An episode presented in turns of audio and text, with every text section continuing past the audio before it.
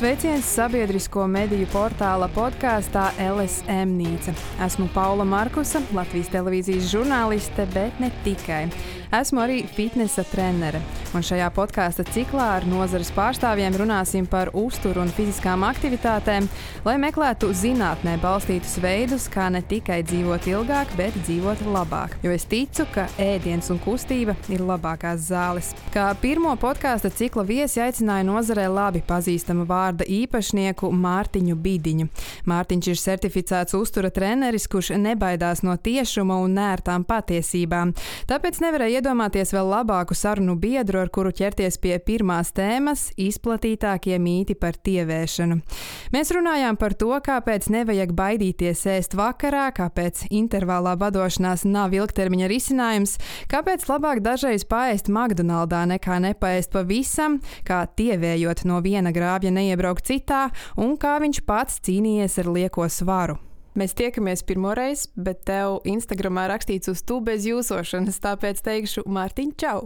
Čau! Es tevi publiskajā vidē esmu ievērojis kā tādu interneta karēvi mazliet, kurš aktīvi cīnās ar dažādām muļķībām par uzturu, kuru internetā netrūkst un uh, kuru, diemžēl, nereti izplata arī šīs jomas speciālisti. Uh, man tas kā žurnālistei uzreiz likās saistoši, jo nu, nepatiesas informācijas atspēkošana tā ir daļa arī no mana maizes darba.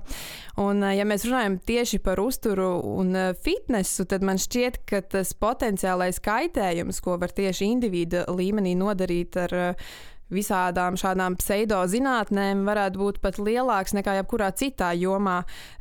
Kāpēc tev personīgi ir svarīgi cīnīties ar šiem mītiem un šo pseidozinātni? Es ticu, ka tas nevienmēr ir patīkami iesaistīties šādās verbālajās kaujās. Nu, es aizvien mazāk iesaistos, jāsaka. Tikai tāpēc, vien, ka tam fiziski trūks laika. Tam, jo, nu, tur apmēram tā ideja tāda, ka tev pretī pasakā vienu teikumu, lai tu viņu atspēkotu, tev jāpavada stundas. Jā, un, un, un, un internetu vidē tas vienmēr izskatās liktāk tam, kurš atspēko, kurš mēģina atrast to.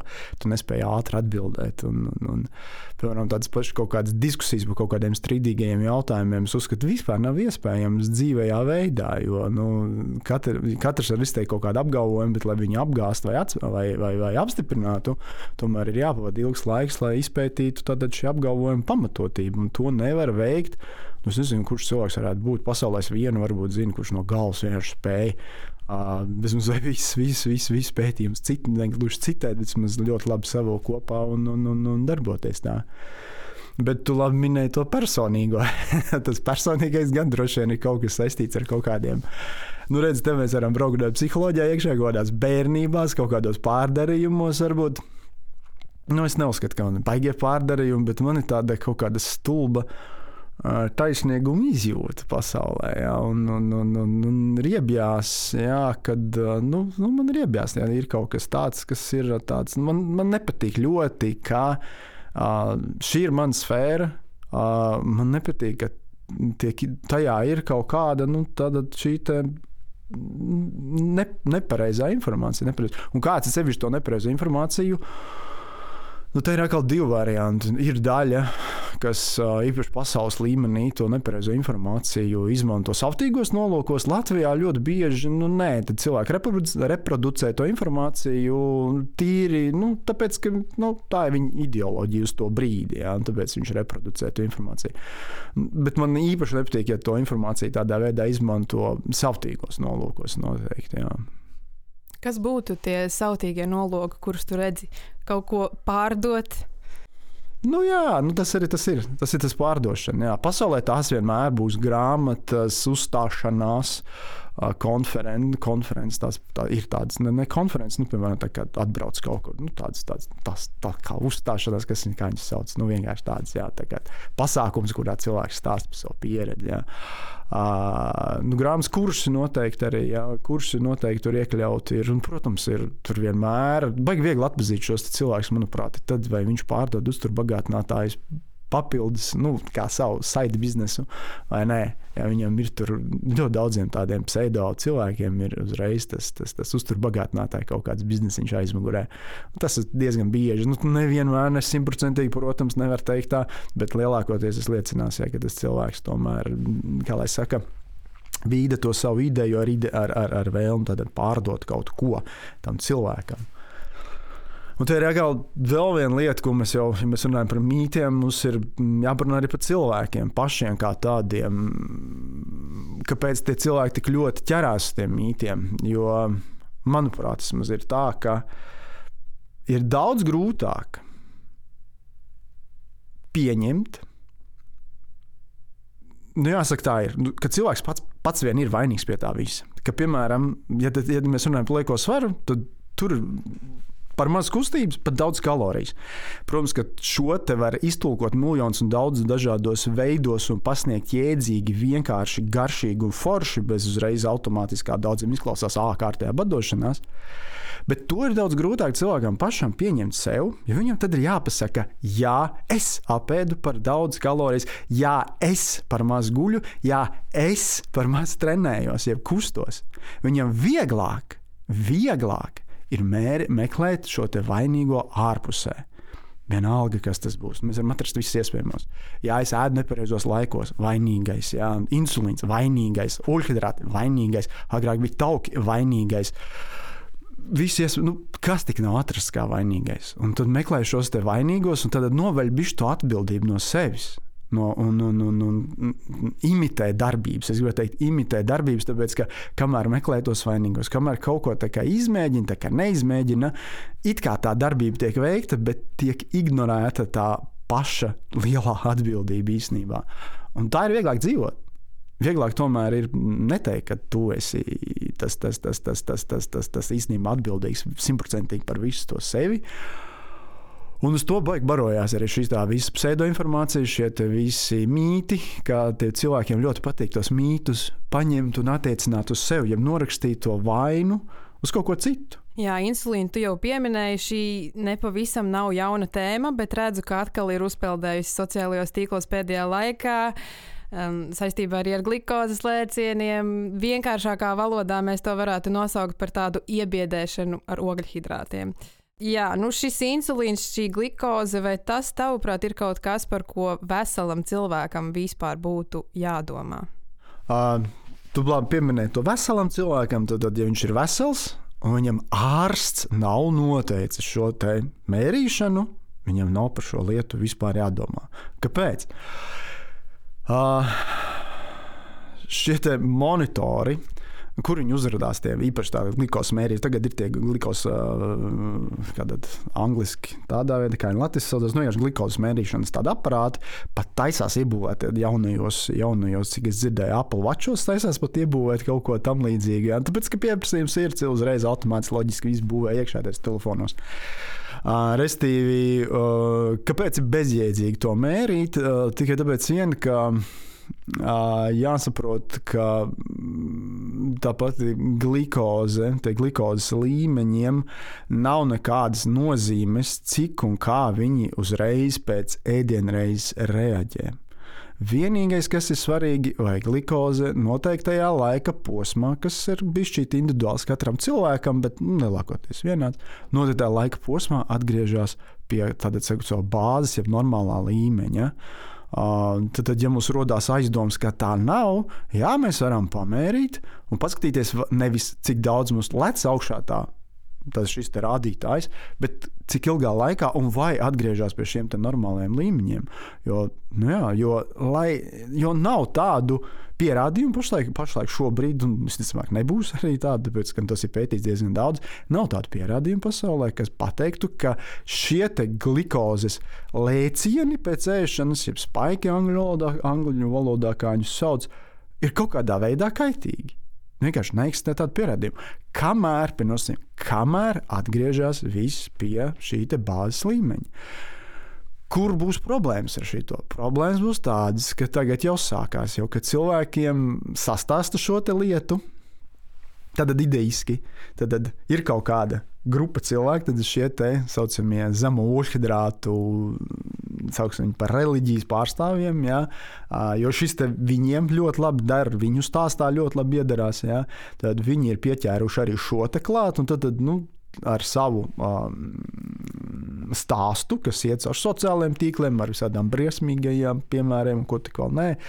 Ar šo, šo savu stāstu viņi tā kā, nu, kā saka, sakūda šos cilvēkus, kas ir paļaujā. Pa, Uzklausot informāciju, ļoti bieži viņi ir tie, kas visvairāk meklē šo informāciju, sakūda šos cilvēkus uz to, ka uh, nu, tagad ir jābaidās no šīs lietas. Ja? Respektīvi, viņi radīja problēmu tur, kur problēmas nav. Un smieklīgākais, protams, ir tas, ka viņi uzreiz rada arī risinājumu. Tātad šos te monitorus, kur aizmugurē stāv. Nu, šobrīd nu, vismaz trīs lielas kompānijas, kas viņas jau, nu, jau visi, jau ir jau investīcijas, jau pārdod, jau viss jau gatavo. Viss notiks, un vēl miljonus mazas kompānijas, un vēl pilns Amazons, kas pārdod šīs tos monitorus. Un, kā tikko teicu, Apple arī jau apsver jau nākamajā pūkstenī likt iekšā šo glikozu monitoru. Un visiem ir interesanti monetizēt šīs cilvēka bailes. Uh, Bet, kā jau teicu, nu, jēgas no tiem datiem nebūs nekādas parastam cilvēkam, īpaši viņas nemācīs iztulkot, ja vienkārši sāks baidīties no tā.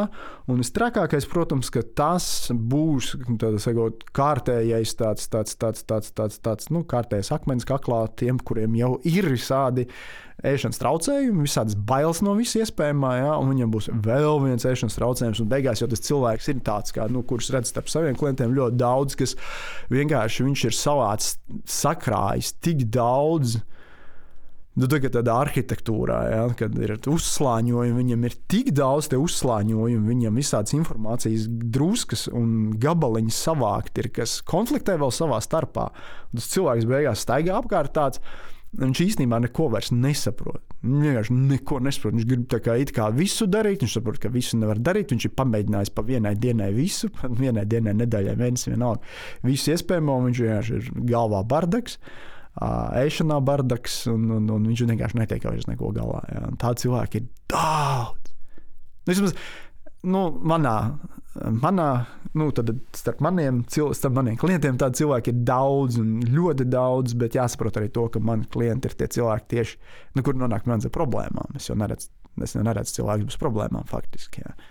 Paskaidro varbūt tiem mūsu klausītājiem, kuri varbūt līdz galam nesaprot, par ko mēs runājam. Kas ir glikoze, eh, kas eh, veido šos glikozes saucamos tos lēcienus un uh, par šo procesu mazliet īsumā? Nu kā pēc ēšanas, nu, nu, pēc oglekļa ēšanas uh, mūsu organismā nonāk kaut kāda daļa cukura. Tad tas arī parādās šajā rādītājā. Normāli ir, ka organisms pats šo cukuru sadala un novada tur, kur viņam to vajag. Problēma sākās, jo organisms šo nespēja izdarīt. Nu, tad insulīns nestrādā pietiekami labi, ja, un, un tam līdzīgi. Tad sākās problēmas. Bet normālā veidā, tad, normālam cilvēkam ir pilnīgi normāli, ka pēc ēšanas, īpaši, kad ap, apēd ogļhidrātus, šis cukurs nonāk asinīs, uh, viņš parādās rādītājos. Un jāsaprot, ka katram pilnīgi individuāli parādās rādītājos, uh, un, un, un, un, bet, bet organisms to tiek galā. Un te ir tas interesantais arī. Nu, ja mēs sāksim šo te visu mērīt, kur mēs aizbrauksim vispār? Kas mums notiek? Mēs braucam vienā citā interesantā lietā, ka, piemēram, ja Jānim Jānis apēdīs eklērīti, ja, un, piemēram, eklēru un ābolu, tad eh, Jānis, piemēram, no eklēra ļoti strauji pacelsies augšā šis te viss, un no, no ābola nepacelsies. Kas izklausās loģiski. Tā vajadzētu būt. Un daudz domā, arī, ka no aboliem pacelsies. Bet tad mums ir mm, blakus ir Pēterīts, ja, kuram viss notiek otrādi. Viņam nekas nemainās. Viņam no abola uzliek šausmīgi augstu. Ko mēs darīsim ar šiem datiem? Tad Jānis Petrīks strīdēsies šausmīgi. Ja? Teic, bet viņiem nes nav pateicis, ka viņi ir kāds individuāls. Nē, nu droši vien kāds jau pastāstīs arī, ka katram ir individuāli šīs reakcijas. Restīvi, nu, tas mēs braucam vēl lielākās auzās, bet beigās izrādās abiem diviem īstenībā pēc divām stundām. Divām, trim stundām viss ir atgriezies bāzē, viss ir kārtībā, viss ir normāli. Viņi ir veseli uh, cilvēki, kur nodzīvos visu mūžu bez diabēta, liekas, vairāk un tam līdzīgi. Vienkārši viņiem šādi rādītāji ir, bet kuri neko nenozīmē. Noteikti svarīgi ir atzīmēt, ka tiem, kas ļoti seko šim glikēmiskajam indeksam, eh, jāņem vērā, ka nu, mēs jau nevienu produktu neuzņemam izolācijā. Mēs eh, veidojam komplektā ar citām uzturvielām, un nu, ir svarīgi sabalansēt šo uzturu. Nu, glikemiskais indeks vispār ir pēdējā lieta, ko skatīties, tāpēc, ka nu, tas ir vienkārši laboratorisks rādītājs. Un, piemēram, nu, glikemiskais indeks arbūzam ir lielāks nekā makaroniem, kas ir, nu, ja tā padomā, baigi absurdi senāk, jā, tāpēc, ka viņš tiešām neņem vērā. Uh, vienkārši glikemiskais indeks neņem vērā to, cik normāls cilvēks, nu, kā viņš ēstu to porciju, kā viņam iztītos tā porcija. Tāpēc it kā vairāk vajadzētu skatīties uz to glikemisko slodzi. Tas nozīmē, nu, apmēram uz to apjomu, ko viņš arī varētu jēdzīgi apēst. Bet vislabāk, vis, visvienkāršāk jau to saprast, kā, nu, kad mēs skatāmies uz tiem glikēmiskajiem, pirmkārt, mums jau skaidrs, ka, nu, uzsvars, ka tas nav tik svarīgi vispār, jā, tas nav svarīgi, jā, ja tas viss atgriežas bāzē. Uh, to vispār nevajadzētu cilvēkiem ar šo nodarbināt savu mm, galvu, domāšanu, pieteikt jau citas lietas, kādas problēmas dzīvē, par ko domāt. Uh, Bet, jā, bet sabalansētā uzturā parasti ir tā, ka uh, mums ir produkti, tātad mums ir gan nošķidrāti, ātrāki, lēnāki vienmēr būs uz tā šķīvi, nu, visticamāk. Jā. Mums būs šķiedrvielas vēlams, lai ir uz tā šķīvi, uh, mums būs olbaltumvielas, mums būs tauki, nu, un tad, piemēram, nu, tad viņi visi viens otru, kā lai saka, kompensē. Jā, piemēram, lielisks piemērs ir, kas tā vienkārši viens otru kompensē. Man liekas, ir kaut kāds, piemēram, nu, snikers batoniņš, kura glikēmiskais indeks ir krietni zemāks nekā lielākajai daļai, man liekas, augļu. Tas liekas absurdi, bet nu, tur ir gan cukurs iekšā, tur ir labi, tur nav šķidras, bet šķidras būtu vēl mazāks. Ja? Bet tur ir uh, gan obaltumvielas, gan tauki klāti, gan, gan, gan, gan, gan, gan kas, kas tad bremzē šo ātrā cukuru iedarbību. Ja? Tad veidojās tāds abs, absurd, absurds lietas veidojās no šī tā visa stāsta. Mēs viņu varam ļoti, ļoti absurdi saveidot visu šīs, ja mēs sākam tikai skatīties uz glikozi. Tātad tiem, kas baidās par glikozi, secinājums no uztura nekas nav jāizslēdz ir jāsabalansē. Nu, jā, nu, nu, kā jau teicu, tas, tas glukozes stāsts eh, tagad ir tas uh, saucamais oļhidrāta insulīna modelis, ko daudz runā, ja, ka tas ir vienīgais, kas ir uh, atbildīgs par, par, par, par, par lieko svaru. Uh, šis, šie stāsti ir noderīgi tikai vienīgi tiem, kas propagandē zemu ūdeņhidrātu diētas. Tad īpaši jau keto un karnivorās diētas propagandē, ja, tad viņiem šie stāsti ir īpaši noderīgi. Tad uh, ir cilvēks, protams, nu, seko šīm diētām, mēģina atrast viņas kā uh, panacēju visam, ja, uh, tic, ka tā ir panacēja visam. Uh, Uh, nu jā, tad, tad, tad viņi arī šo, te, šo te stāstu, šo te ideju izplatīja arī tālāk. Bet tur aizmugurē, protams, ir cilvēki, īpaši jau, kā es teicu, pasaules līmenī, ja, kas ar šo visu stāstu, ar šo visu baiļu ieviešanu ļoti, ļoti, ļoti, ļoti smuki nopelna. Ļoti smuki nopelna to visu. Jā. Ja klienta mērķis ir notievēt, vai tu vispār pievērs uzmanību tam, kas tiek ēsts vakarā, vai tomēr pieturies pie tā, ka nu, šis ir enerģijas likums ir pārāks par šīm smalkajām niansēm. Mm, nu, kaut kad pagājušajā nedēļā tieši izpeldēja viens tāds apgalvojums, ka šis enerģijas likums nestrādā. Man gribas teikt, tas cilvēks vienkārši neko vispār, nu, diemžēl, nu, jāsaka, kā ir. Nu, nevajag runāt apalinkus citreiz, ja nu, cilvēks vienkārši neko nezina. Nu, visi, nu, sorry, kāpēc tu runā internetā, es nezinu. Uh, bet nu, tas cilvēks bija saklausījies vēl kaut kāds cilvēks no vēl kaut kāda slikta bloga kuram atkal vajadzēja kaut kādu, nu, kā lai saka, viņiem vajadzēja skaļus virsrakstus, jā, skaļus paziņojumus. Jo ļoti bieži jau, nu, īpaši jau uztur pasaulē, nu, patīk tie skaļie paziņojumi, jo ar mēreniem un vienkāršiem paziņojumiem Nu, tas nav seksīgi, tas nav, tas nav aizraujoši. Neviens no viņiem neķerās tādā momentā, tā uzreiz neķerās. Jā. Nu, un, un, un tad, ja tu gribi panākt kaut ko ātru, kaut kāds ātrs rezultāts, kaut ko ātru, tik, tik, tik paņemt ātrā īso popularitāti tad tev vajag skaļus paziņojumus. Tagad arī tad bija jā, tā ir viens paziņojums Latvijā. Es lasīju, ko dos man atsūtīja vairāk cilvēki, jā, kad oh, tagad kalorijas nav tās svarīgākās. Nē, joprojām ir pamatu pamats visam, ir šī kaloriju līdzsvars, kaloriju matemātika. Viņu, viņš nav tik sauss, kā izklausās. Jā. Viņam ir ļoti daudz lietas, kas viņu ietekmē. Tas pats vilmaiņas un tā tālāk. Bet tas kaloriju līdzsvars jebkurā gadījumā saglabājās. Ja? Tad mēs viņu nevaram atcelt nekādā brīdī. Ja? Tā tad tu ne, nepievērs uzmanību tam, ko à, to, jā. ēd vakarā. Jā, jā, jā, jā. pareizi tas jautājums. Nu, tā ideja ir, um, ka, ja mēs runājam par lieko svaru, vai pa svaru samazināšanos, mums ir svarīgi kopējās kalorijas, un tādas jāņem bezmazliet vidējās kalorijas lielākā laika posmā, nevis kaut kādos punktos dienā. Ja, tā kā ļoti precīzos punktos. Tāpēc nu, nav svarīgi, jā, kā mēs tur, kad mēs uzņemam tās kalorijas par daudz vai par maz. Pa lielam, nu, tādos lielos vilcienos ir, protams, nianses. Nevajadzētu darīt tā, ka mēs visu laiku, nu, tas klasiskais, kad ir mēs visu laiku uzņemam maz, maz, maz, maz, maz, maz, maz, maz, maz, un tad vienā reizē uzņemam vienkārši vienā noraušanās brīdī uzņemam divu dienu devu. Jā, tas, protams, vidēji, vidējais varbūt būs Vidējais varbūt būs um, normāls, vai, vai tikai bet, nu, tur dēļ tā ritma nepareizā, ja, tad mēs varam uzkrāt uh, vairāk tādu šo lieko svaru. Bet ne jau tāpēc, ka uh, nu, tā ir ļoti sarežģīti izskaidrot. Nevis tāpēc, ka mēs nu, tagad, tā, tā, tā, tās kaloriju matemātika notikās, uh, atcēlās šī brīdī, bet tikai tāpēc, ka tad, kad cilvēks ļoti, ļoti, ļoti maz ēd, tad arī vilmaņi pielāgojās tērēt ļoti, ļoti, ļoti, ļoti maz. Un tagad cilvēks vienreiz pārēdās ļoti traki, tad tā vilmaņa vēl nav gatava to tikt galā un vairāk noglabāt augos. Ja?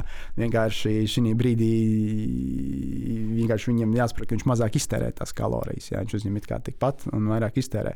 Turpretī tas pats cilvēks, kurš to pašu kaloriju apjomu uzņemtu katru dienu normālos apjomos, nu, kad dienu vienkārši bišķīt vairāk un nenorautos, ja? viņa vilmaņa strādāt ātrāk, viņš vairāk iztērēt un īstenībā viņš beigās arī zaudēt šo svaru. Tāpēc, jau, tāpēc nav tik svarīgi Tādā, tādā vien, saka, vienkārši nevar atbildēt, atbildēt to jautājumu, ka visos gadījumos tas nedara. Bet idejiski normālam cilvēkam nav svarīgi tas, kuros brīžos un cik viņš tās kalorijas uzņem.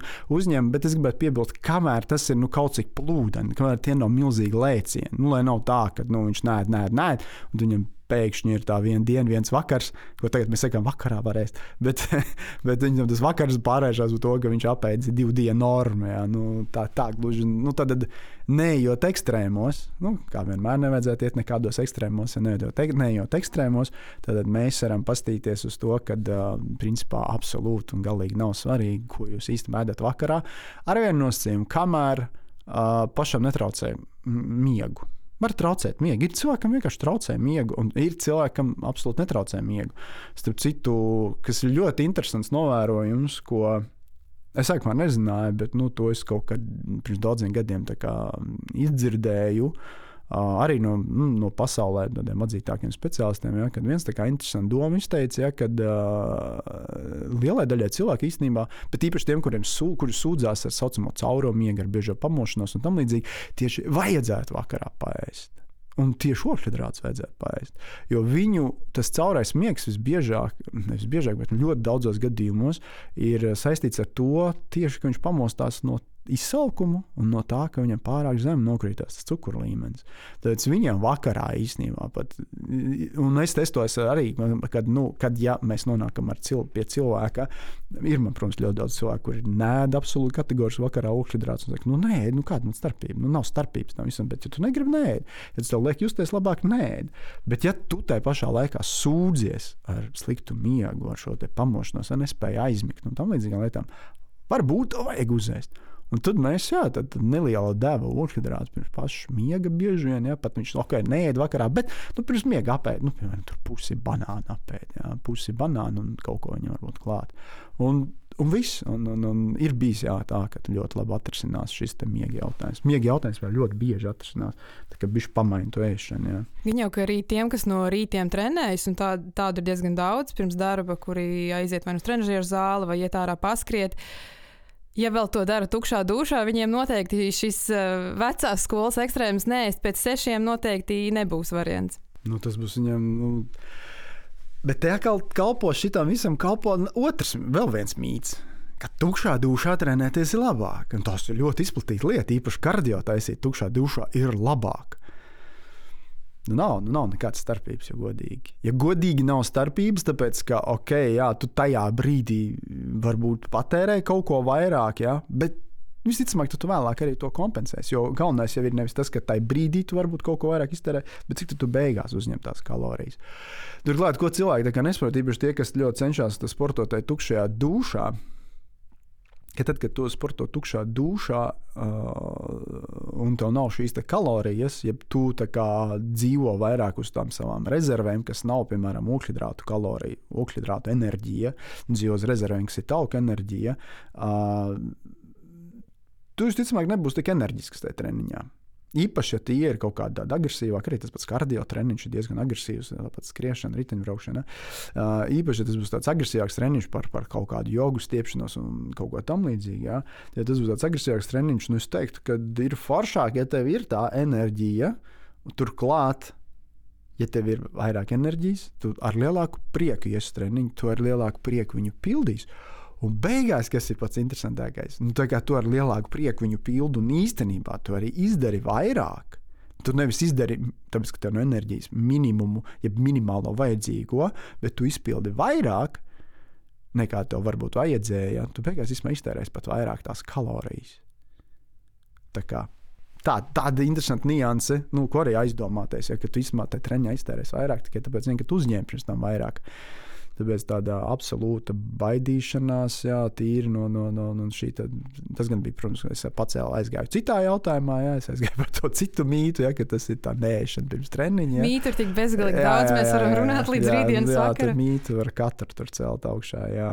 Bet tieši tā, ja cilvēkam ir tā, ka viņam nav laika no rīta paēst, un viņam ir no rīta tikai vienīgi tie treniņi un tam līdzīgi, jā, viņam pat tāda paēšana vēlāk vakarā noteikti dos vairāk spēku no rīta tieši tajā treniņā, jā, tā būs. Jā, jāatcerās arī ogļhidrāti ir galvenais enerģijas avots. Uh, jā, jā, jā, absolūti. Org, tā, organismam vairāk patīk tieši tie ogļhidrātu enerģija. Viņš labāk viņu saprot, viņš labāk uh, darbojas, un īpaši tad, kad vajag uh, akti, aktīvākas darbības veikt. Var organisms ļoti labi strādā arī protams, uz tauku enerģiju un tam līdzīgi, bet uz krietni neaktīvākām darbībām. Bet tādas aktīvākas darbības nu, vislabāk tiešām ūkļhidrāti tieši nodarbina. Īpaši tiem, kam gribas arī kaut ko panākt, kaut kādas spēkā, muskuļos, jā, ātrāk panākt, optimālāk panākt. Viennozīmīgi tur ūkļhidrāti ir vajadzīgi un kā bezmazliet. Nu, īpaši tiem, jā, kur strādā uz spēku, uz muskuļu apjomu, tur viennozīmīgi ūkļhidrāti. Bez ūkļhidrātiem vispār nekas tur nenotiks. Jā, mēs jau pārgājām no vakara uz rītu. Ja runājam par tiem cilvēkiem, kuriem saka, nu man no rīta ēst negribās, bet visbiežāk, ja paskatās, kas notiek vakarā, tad tur atkal ir otrs grāvis. Ko tu ieteiktu tiem, kas varbūt izlaiž ēdienu reizes? Nu, katram cilvēkam ir jāatrod savs ēšanas ritms. Tas būtu svarīgākais. Un neklausīties baigi apkārt, ko kurš iesaka. Nu, tur neēst brokastis, neēst vakariņas, un ko tikko neēst. Tur, tur to neēst. To. Katram jāatrodas ēšanas ritms. Uh, bet tajā visā ir uh, jāstāsta. Es gribētu teikt, ka tajā visā stāstā ir jāstāsta arī uz to, tomēr, kas, kā strādā mūsu organisms. Un, un, un, un, un, un, un kā tad. Uh, kā tad varbūt labāk sastrādāties ar to organismu. Jo labākais, jau, ko mēs varam darīt, ir sastrādāties ar organismu, nekā strādāt pretī tam organismam. Lai gan liekas, ka varbūt vajag citreiz ar viņu cīnīties, bet ar organismu cīnoties vienmēr cilvēks zaudēs. Jo uzturā, kad cīnās ar organismu, tas nozīmē, ka tu kaut kādā veidā visticamāk izraisīsi kaut kādu izsaukumu. Tu cīnies ar kaut ko tādu, un, un izsaukums uzvarēs vienmēr. Agrāk vai vēlāk izsaukums uzvarēs. Cilvēks nevar ilgst, ilgstoši cīnīties pret izsaukumu.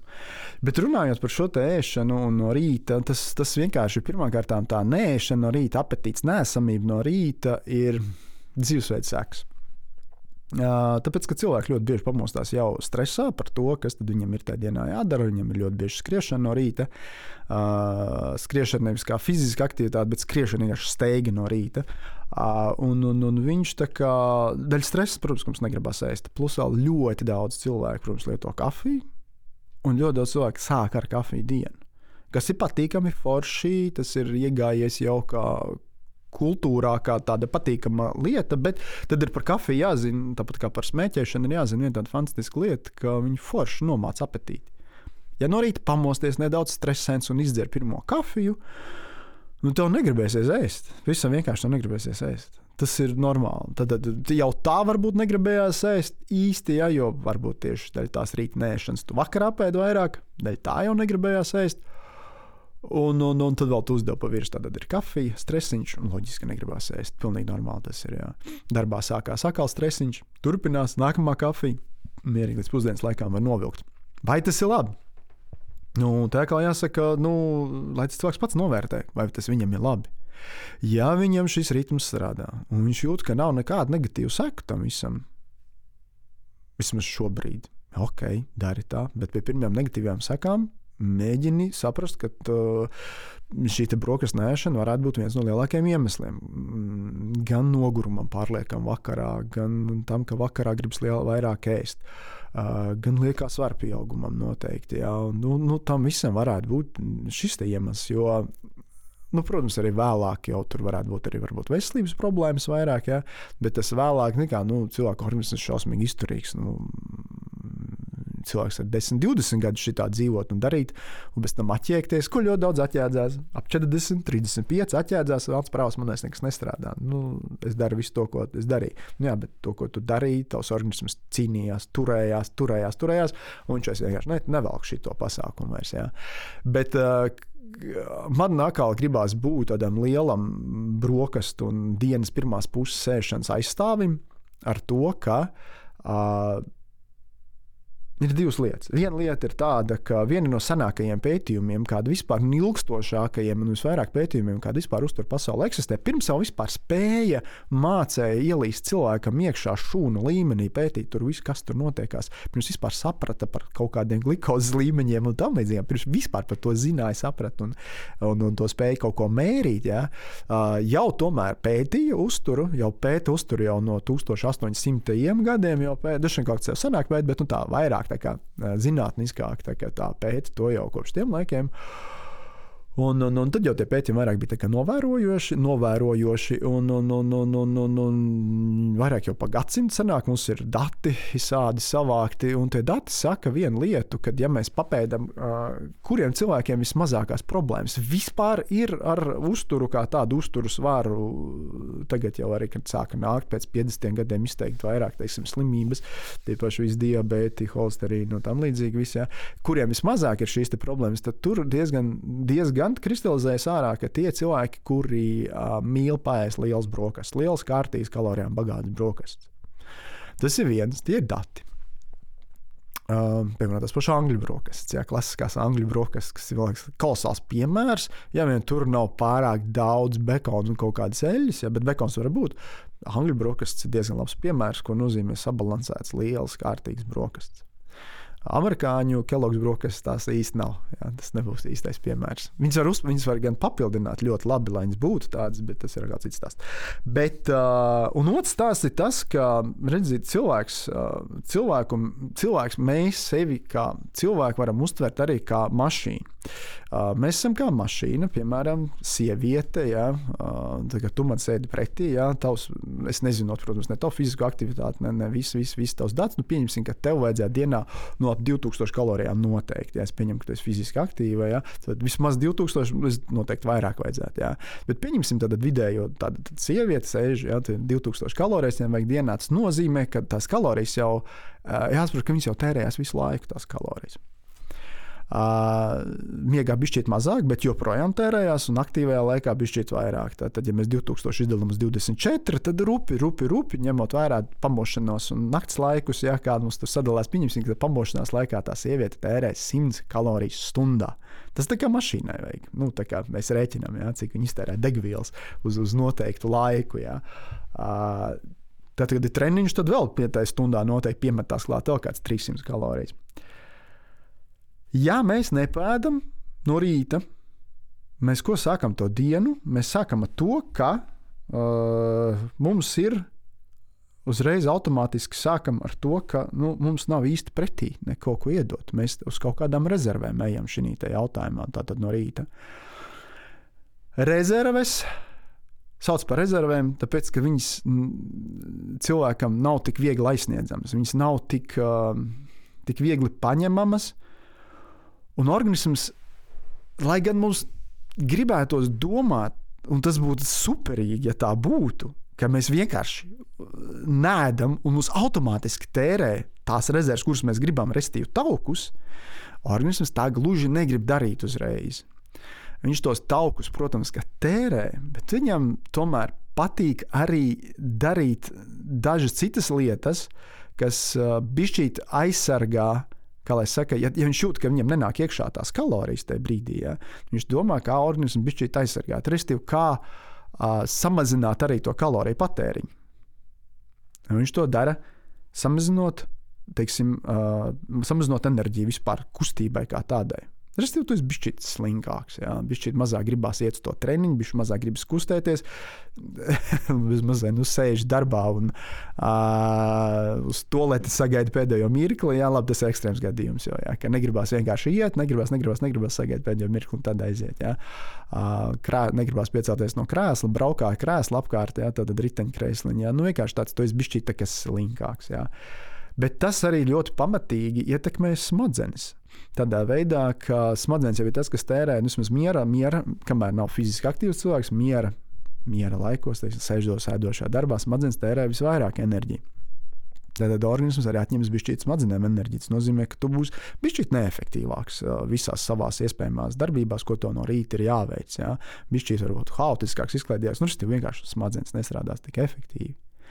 Tad, tad organisms izdomās arī, kā tev uh, kā ietaupīt bišķīt to, ko tu neesi iedevis. Kas nav baigi vēlams.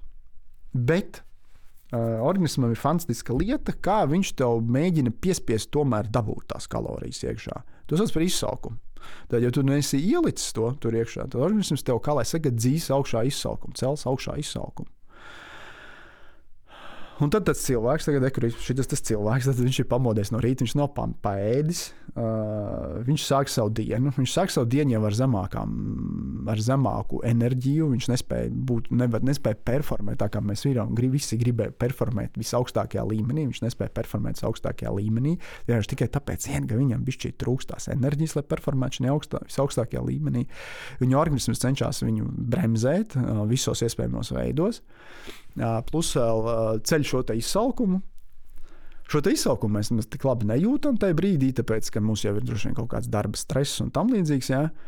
Bet tas izsalkums vienkārši atliekās. Viņš jau nepazūd, viņš atliekās. Un viņš atliekās kādu labu pusdienas mēs vēl nokontrolējam, tāpēc, ka viņām not, vien, vienmēr ir noteikts apjoms un tam līdzīgi. Nu, reti kurš kafejnīcā apsēžās, nu, ir tāds, kā jau saka, all, all you can eat uh, pusdienas, ja plāsrē ir to porciju, viņa apēd un mieras ej tālāk. Ar to tev tā kā pietiek. Bet tas izsaukums visvairāk izlaužās bieži vien nu, vakaros, tad, kad tu vienkārši apsēdies, ir miers. Viss stress ir aizgājuši, bez mums ir paņēma vīna glāzi, alus pudeli apsēsties pie televizora, un tad pēkšņi izlaužās šis izsaukums. Un tad tas ir, tas izsaukums liek tev, kā tu vēl paēdi vakariņas.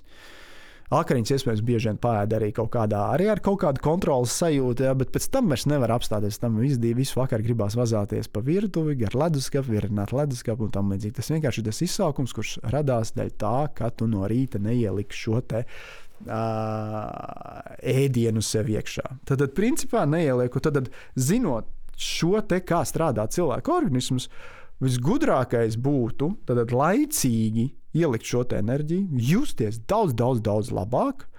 Un, un, un laicīgi ielikt enerģiju, tad paies lielāks brokastis, lielāks pusdienas, laicīgi visu to izdarīt. Un tad patiesībā arī tas vakars pienāktu gan ar lielāku enerģiju, jo viņš pienāk ar lielu nogurumu. Jo nu, viss tas nav, nav pa dienu, tas deficīts izveidojas pa dienu diezgan liels. Viņš nu, pienāk gan ar lielāku enerģiju tas vakars. Tad būtu laiks vairāk iziet ārā, paspēlēties ar bērniem, darīt jebko. Darīt, varbūt vienkārši mājas darbus, nu, apkopot māju, kaut kas jādara katram pēc smagas, smagas garas darba dienas. Uh, un galvenais, ka ar mazāk izsalkumu atnākts vakars tā varbūt ir pat visā šī stāstā, varbūt pat viss, vissvarīgākais lielai daļai cilvēku būtu, ka tas vakars atnāk ar mazāku izsaukumu. Un tas, ja tā kārtīgi pāriet katru darba dienu, tās brīvdienas atnāk ar tādu mazāku sajūtu, ka, nu, visas es nezinu, kaut ko nopelnījis, vai nu, nu es palaidīšu vaļā visu, ko es varu palaist vaļā. Vai pat nenāk ar tādu domu, vienkārši viss palaižās vaļā automātā, jo, nu, tur aiziet nu, brīvdienas ir citā ritmā, jā, cits ritms, un tas uzreiz saistās ar milzīgu ēšanu. Tā ēšana ir tikai tāpēc, vien, ka pa visu nedēļu sakrājās šis nogurums, izsalkums un, un, un tas viss. Garš stāsts. Viņu varētu veselu, veselu podkāstu mēģināt ļoti vienkāršot izstāstīt, kāpēc es esmu drīzāk, nevis drīzāk, bet nu, es esmu absolūti aizstāvs tam, ka mums vajadzētu sadarboties vairāk ar savu organismu. Jo, ja mēs tā kā nesadarbojamies, tas organisms atriebjās vienmēr. Šī gadījumā caur izsalkumu. Un caur to izsaka, ka tu visu laiku esi kaut kādā, tu neesi īsti nekad savā optimumā. Ja tu nepēdi no rīta, tev trūkst tās enerģijas. Nu, tu neesi optimāls. Tu sagaidi vakarā milzīgu nogurumu, un tajā brīdī jā, tu uzņem to enerģiju, bet tad jau ir par vēlu. Viņa vairs nav vajadzīga. Tu jau ieslēdz gulēt, jā, tu pārēdies tam līdzīgi, vai, vai noraujies varbūt retāk nekā katru vakaru, kad tu trešdienas vakaros un piekdienas vakaros. Un tu uzņem tad, tad to enerģiju. Bet viņi tev nav vajadzīgi tajā brīdī vairs. Jā. Tu jau, jau, jau nokavēji visu to, kad, kad, kad tu varēji būt rīktīgi foršs, forš, uh, maksimāli performējošs, optimāls cilvēks ar labāku garstāvokli viennozīmīgi. Paiet cilvēks vienmēr būs labākā garstāvoklī. Ko mēs varam teikt par eh, sadarbošanos ar savu organismu tiem, kas piekop šo tā saucamo intervālo badošanos, kas tagad atkal ļoti modē? Jā, nu tās laika nu, neiziet no modes. Es domājis, ka viņi pazudīs. Jā, tā kā keto diēta bišķi izgāja no modes, vismaz pasaulē, Latvijā un vēl joprojām turpinās. Es, es strādāju Lietuvas tirgo, tur keto diēta ir šausmīgi populāra. Es īstenībā nesaprotu, kāpēc tur ir Ap, tur vienkārši gan katrs klients ir izmēģinājis. Katra, katra, katra klienta gan arī izmēģinājusi ir keto diētu. Džeki visi gan arī sievietes, gan arī visi. Bet ko mēs runājam par fastīgu? Atkal paņemam pētījumus.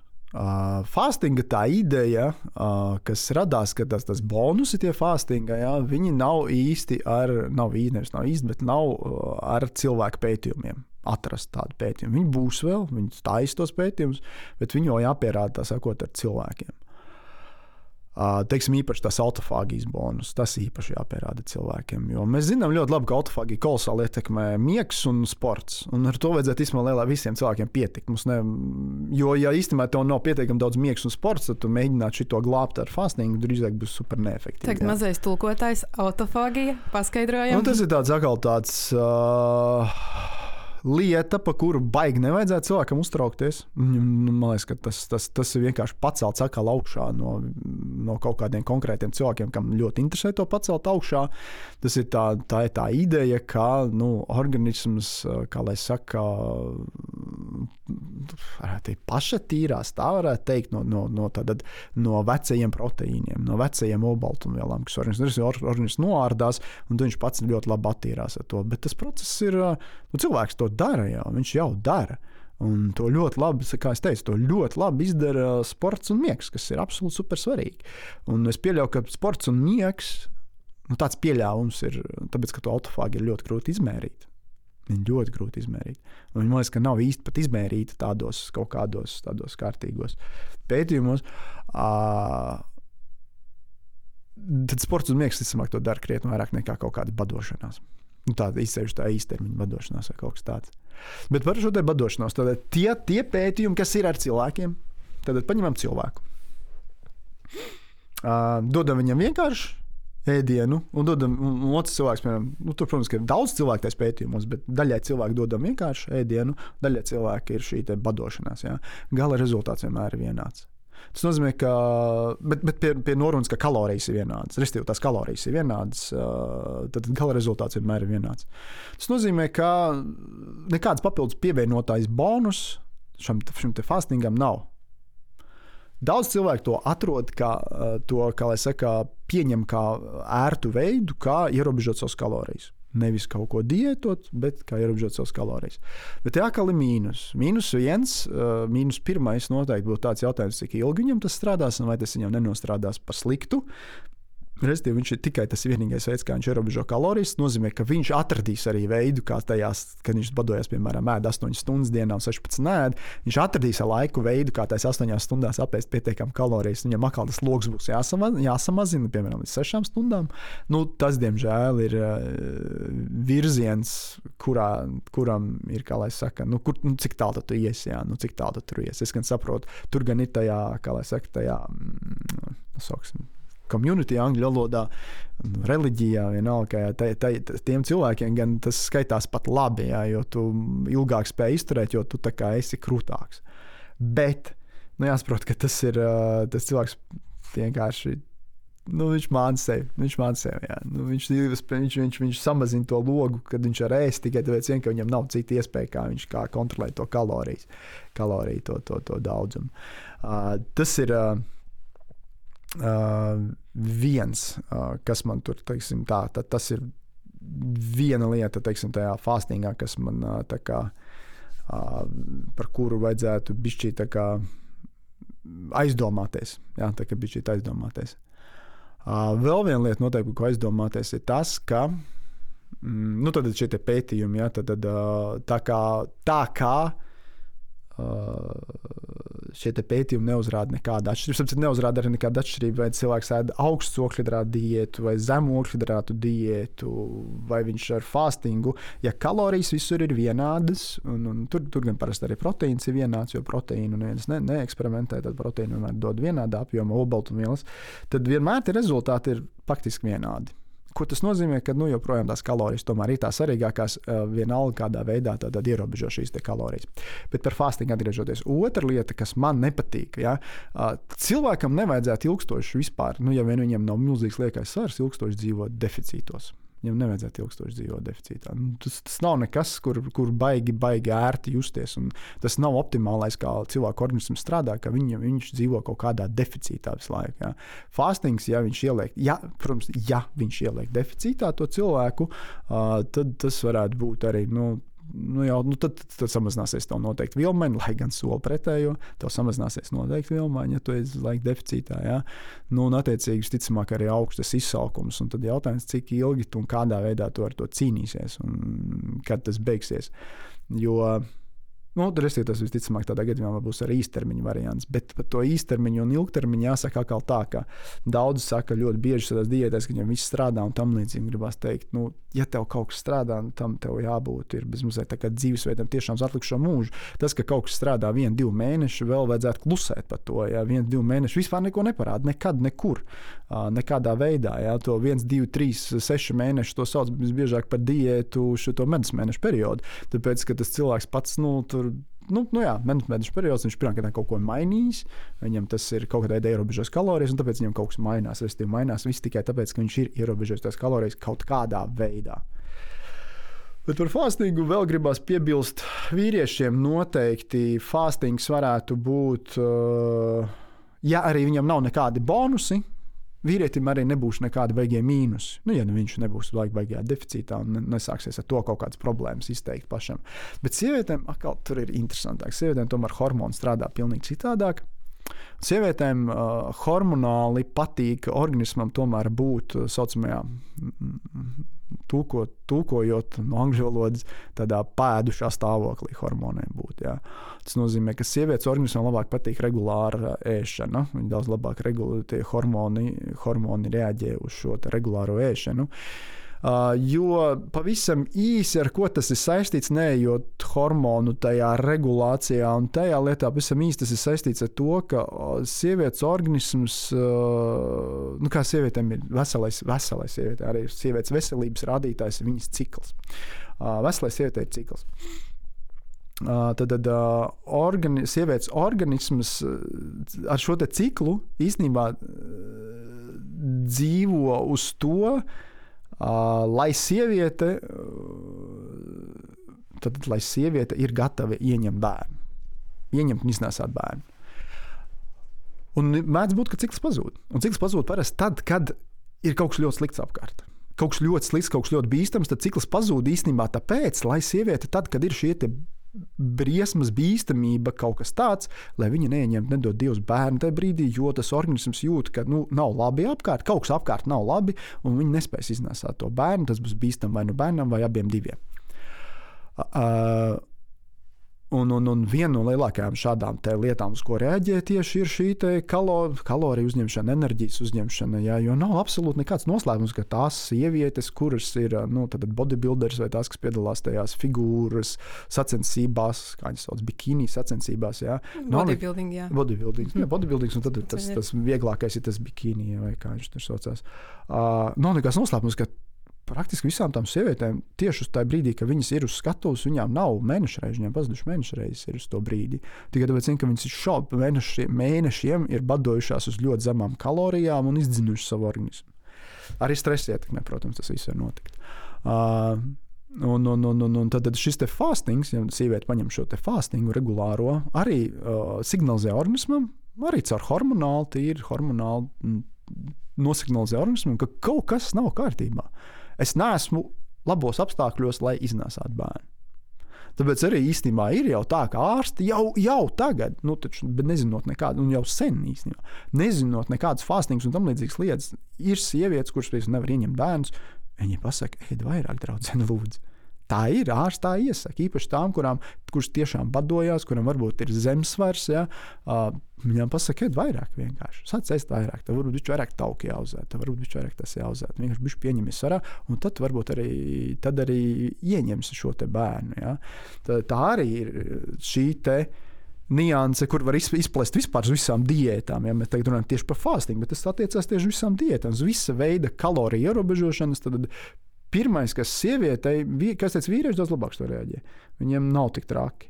Bet sievietei tad pirmais, kas reaģēs, būs tieši hormonāli, un tieši šis, te, šis te aspekts. Tad kaut kas ar ciklu, kaut kas ar spēju ieņemt bērnus, un, un, un, un, un kaut kas tur noreaģēs. Ja? Tāpēc sievietei spēlēties ar ilgām, agresīvām diētām nevajadzētu. Ar fastingu es teiktu, arī ka baigi nevajadzētu. Zinot šo te, kas tas ir, tu, tu jau zināji pirms vispār fastings bija populārs. Tagad nāks fastings populārs, un šo te grib aizmirst šo lietu, ja tā kā izdzēst no šīs atmiņas. Bet mums jau jāstāsta ir. Nu, problēma jau ļoti bieži tāda, ka es neesmu arī tas visgudrākais cilvēks. Es vienkārši klausos vēl gudrākos cilvēkos. Ja?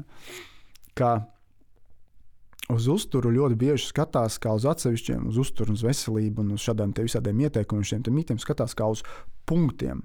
Bet ir jau jāstāsta uz to kopējo visu. Jā. Nu, tāpēc, ka kaut kas ietekmē jebko. Organisms strādā kā viens vesels. Piemēram, tā fastinga gadījumā mēs varam runāt visu kaut ko riņķi un apkārt, bet mēs nevaram izdzēst to, ka pagātnē, nu, ka mēs jau sen, sen, sen zinām, ka organisms, sievietes organisms reaģē uz visādām diētām, ierobežojumiem tieši šādi, jā, hormonālā veidā. Tāpēc, nu, lai nu ko, bet sievietēm man nu, man, nu, ieteikt, nekādā gadījumā, ja grib eksperimentēt, ok, eksperimentējam, bet nu, tad mēģinām baigi sekot līdzi savam organismam, kaut kādām analīzēm un tam līdzīgām lietām. Pašsajūtai viennozīmīgi sekojam līdzi. Nesakojam akli vienkārši tikai tāpēc, vien, ka kaut kāds kārtējs influenceris kaut ko ir izspļāvis ārā. Vai dakteris ārzemju iekavās, protams, pēdiņās niekavās. Runājot. Runājot um, par, šīm, um, par šiem uzturvielu ierobežojumiem, tu jau minēji, ka ar proteīniem uh, Un šeit mēs proteīnus lietojam kā sinonīmus olbaltumvielām, lai visiem ir skaidrs, jo ir cilvēki, kas domā, ka proteīni tie ir tikai pulveri. Jā, jā, jā protams. bet, uh, bet mēs runājam par olbaltumvielām. Tu teici, ar tiem uh, eksperimentē mazāk, jo man liekas, nu, tagad jau arvien vairāk cilvēkiem uh, ir skaidrs, cik ļoti svarīga ir šī uzturviela. Pastāsti, kas ir tie galvenie iemesli, kāpēc proteīns ir vajadzīgs absolūti visiem, neatkarīgi no tā, vai tu trenējies, jauns, vecs, varbūt pat Jo vecāks, jo vairāk jā, vajadzīgs. Jo vecāks, jo vairāk vajadzīgs. Jā. Uh, Lai gan liekas, ka visi jau to zina, to vēl nevēlu nezinu to cilvēku, ko vajadzētu ēst tos olbaltumvielas vairāk. Jā, jo cilvēki knapi sasniedz to minimumu. Arī tas pats rādītājs, tas, ko visi piemin un daudziem patīk, to rādītāju celt gaismā, uh, to 0,8 gramus kilogramu. Jāsaprot, tas, tas rādītājs ir priekš attīstības valstīm kā minimums, lai cilvēks būtu kaut nu, kaut cik vesels, bet tās nav optimums. Tās nav absolūtais optimums. Mums ir jāiet krietni vairāk tās olbaltumvielas. Uh,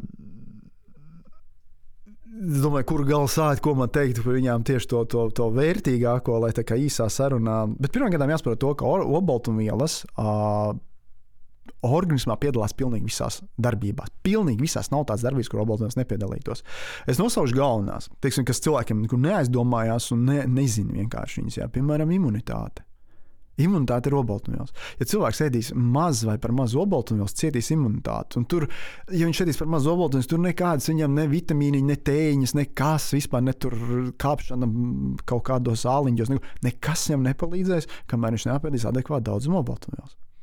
Izskats otrais. Viennozīmīgi interesē cilvēkiem visiem izskats, izskats āda, mati. Uh, īpaši tiem, kuriem ir problēmas. Vai varbūt viņi pat nezina. Ir cilvēki, piemēram, kas dzīvo, man visu dzīvi ir slikti plāni, mācīt sievietes noteikti to teikt vairāk. Jā.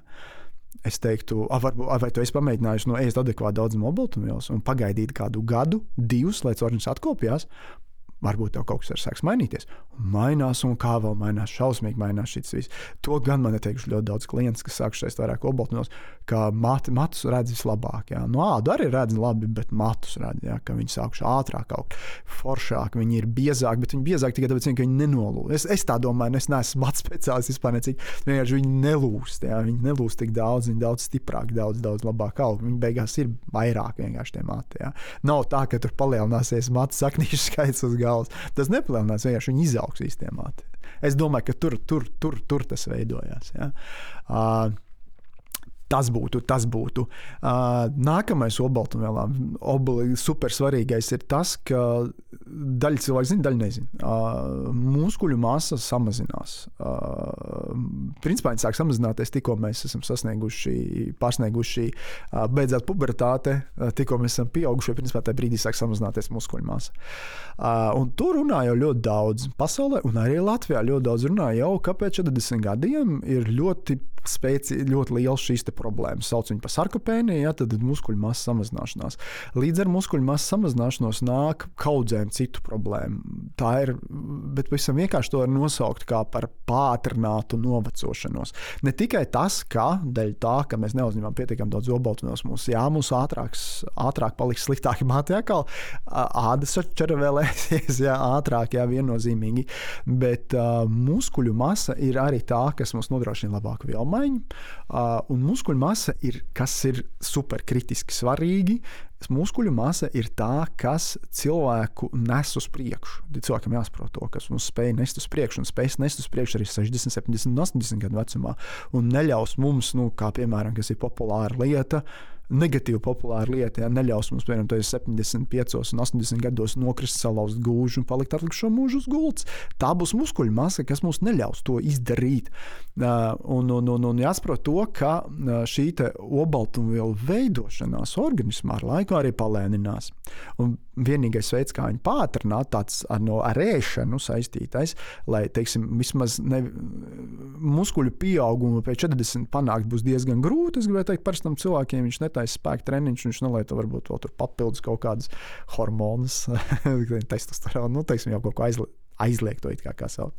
Uh, bet uh, cilvēkam svarīgākais būtu fokusēties to, lai viņš saglabātu to muskuļu masu. Tātad to dara un, un, un, un tad šī vecumā, kā jau teicu, tad to muskuļu masu saglabāt ir krietni grūtāk, pat ar normālu obaltumvielu daudzumu, bet to labi stimulē šo muskuļu masu saglabāšanu, labi stimulē pastiprināts obaltumvielu daudzums. Tas ir parādīts jau pētījumos, ja, ka pastiprināts obaltumvielu daudzums jau labāk stimulē šo muskuļu masu.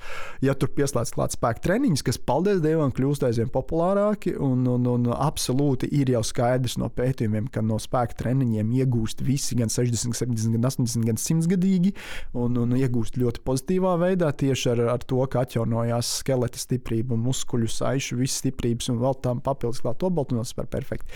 Mēs varam attālināt un galvenais uzlabot kvalitāti savā vecumdienās. Varam, ja? Tad tas būtu tāds baigs svarīgās lietas. Tur ir kaut kādas nianses, ja, piemēram, tas, ka sievietēm noteikti, piemēram, grūtniecībā un menopauzē vajadzētu vairāk obaltumvielas pat īstenībā nekā nekā vīriešiem. Jāsaka. Sievietēm vispār tas organisms ir tā uzbūvēts, ka viņam pat pat, nu, viņam vajadzētu vismaz tikpat, cik vīriešiem obaltmēls. Ja ne pat vairāk. Nu, pat, bet, piemēram, grūtniecībā un menopauzē vajadzētu pat vairāk. Menopauzē, piemēram, obaltmēls palīdz, palīdz tikt galā ar negatīviem menopauzes sindromiem, sim, simptomiem, simptomiem īpaši tos, kurus izraisa jā, teiksim, tas pats progesterons, jā, nu, restīvi hormoni izraisa. Jā, tad palīdz tikt galā ar šiem te, mm, simptomiem labāk. Ne visos gadījumos, ne visām vienādi, atkal atkāpes, jā, bet palīdzētu tikt galā. Tā kā obaltumvielām, nu, tad principā ir šīs te visas tādas nozīmes, bet obaltumvielām viena cita fantastiska nozīme ir. Uh, es vairākas reizes pieminēju izsaukumu. Uh, nu, un izsaukumā, protams, ir sabiedrotais sācis. Vai pretējais tā varētu teikt, drīzāk. Nu, es viņu saucu par sabiedroto, tāpēc ka viņi darbojās viens ar otru kopā.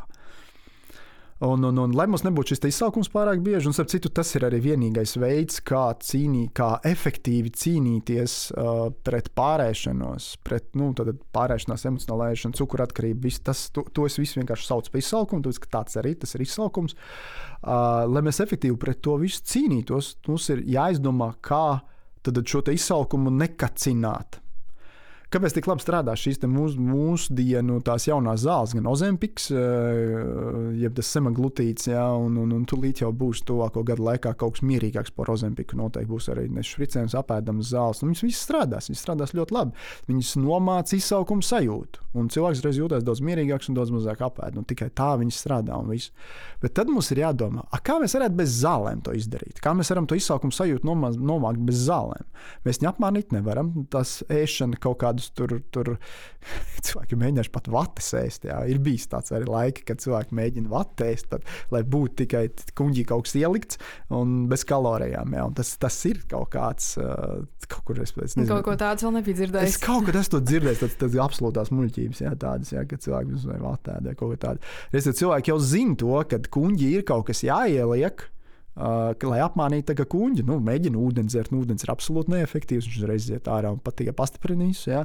Nu, citi mēģina, tad nu, citi, citi jau zina, nu, daudz dārzeņā jādara, ja? tad viņi arī tā kā uz brīdi aizsit to kuģi ja? un tam līdzīgi.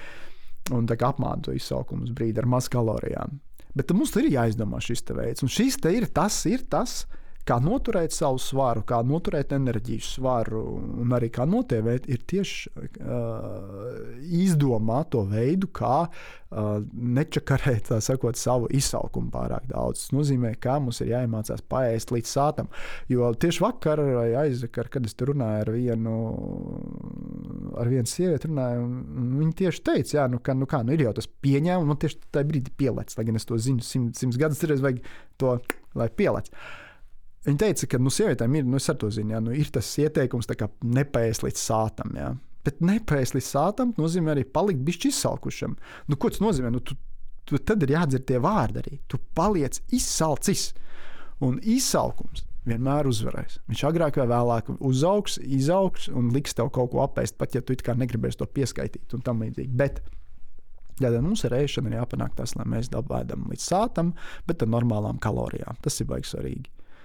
Un divas lietas, kas šo te vislabāk ļauj nodrošināt, ir adekvāts daudzums olbaltumvielu. Uzreiz pasakot, tas ir apmēram trešā daļa no jūsu apēstā uz aci. Nevis sverot, nevis skaitot, apmēram trešā daļa uz aci apēstā. Uh, un otrs ir šķiedrvielas. Šķiedrvielas ir tās divas lietas, un šķiedrvielas ne jau tagad, nu, cilvēks uzreiz, tas man bijis, ah, tad var nopirkt šķiedrvielu pulveri. Saka, ne jau pulveri. Šķiedrvielas, tad tie ir dārzeņi, tie ir graudaugi, tie ir augļi. Pārsvarā tie būtu dārzeņi un augļi, kā masveids lielākā daļa. Ja? Tad tam būtu, principā, dārziem un augļiem būtu jāizņem Nu, lielākā daļa uztur noteikti. Ja obaltumvielas ir kaut kāda trešā daļa, tad tiem ir vairāk nekā trešā noteikti uz aci atkal. Bet ar dārziem jāsaka, viena nianses man uzreiz jāpiebilst, ir, uh, ko es baigi mācu, un tas ir super grūti iemācīt. Dārziņi ir jāatkaršīgi. Tas ir baigais tāds, tāds, tāds. tāds, tāds jā. Es pat esmu vainīgs pie tā, ka es teicu, ka dārzeņi, dārzeņi ir negaršīgi, bet es tiešām esmu tā pateicis, bet tas bija kļūdaini. Es, es, es parasti, es, tas ir tiešām kļūdaini, jo pašām garšo tie dārzeņi un tam līdzīgi. Uh, bet es parasti es, es, es gribu labot to uz to, ka, saku, ka dārzeņi cilvēkiem ir nepietiekami garšīgi. Es te vēdu pārāk sausu. Viņus ēd tikai reļļi bez nekādām piedevām.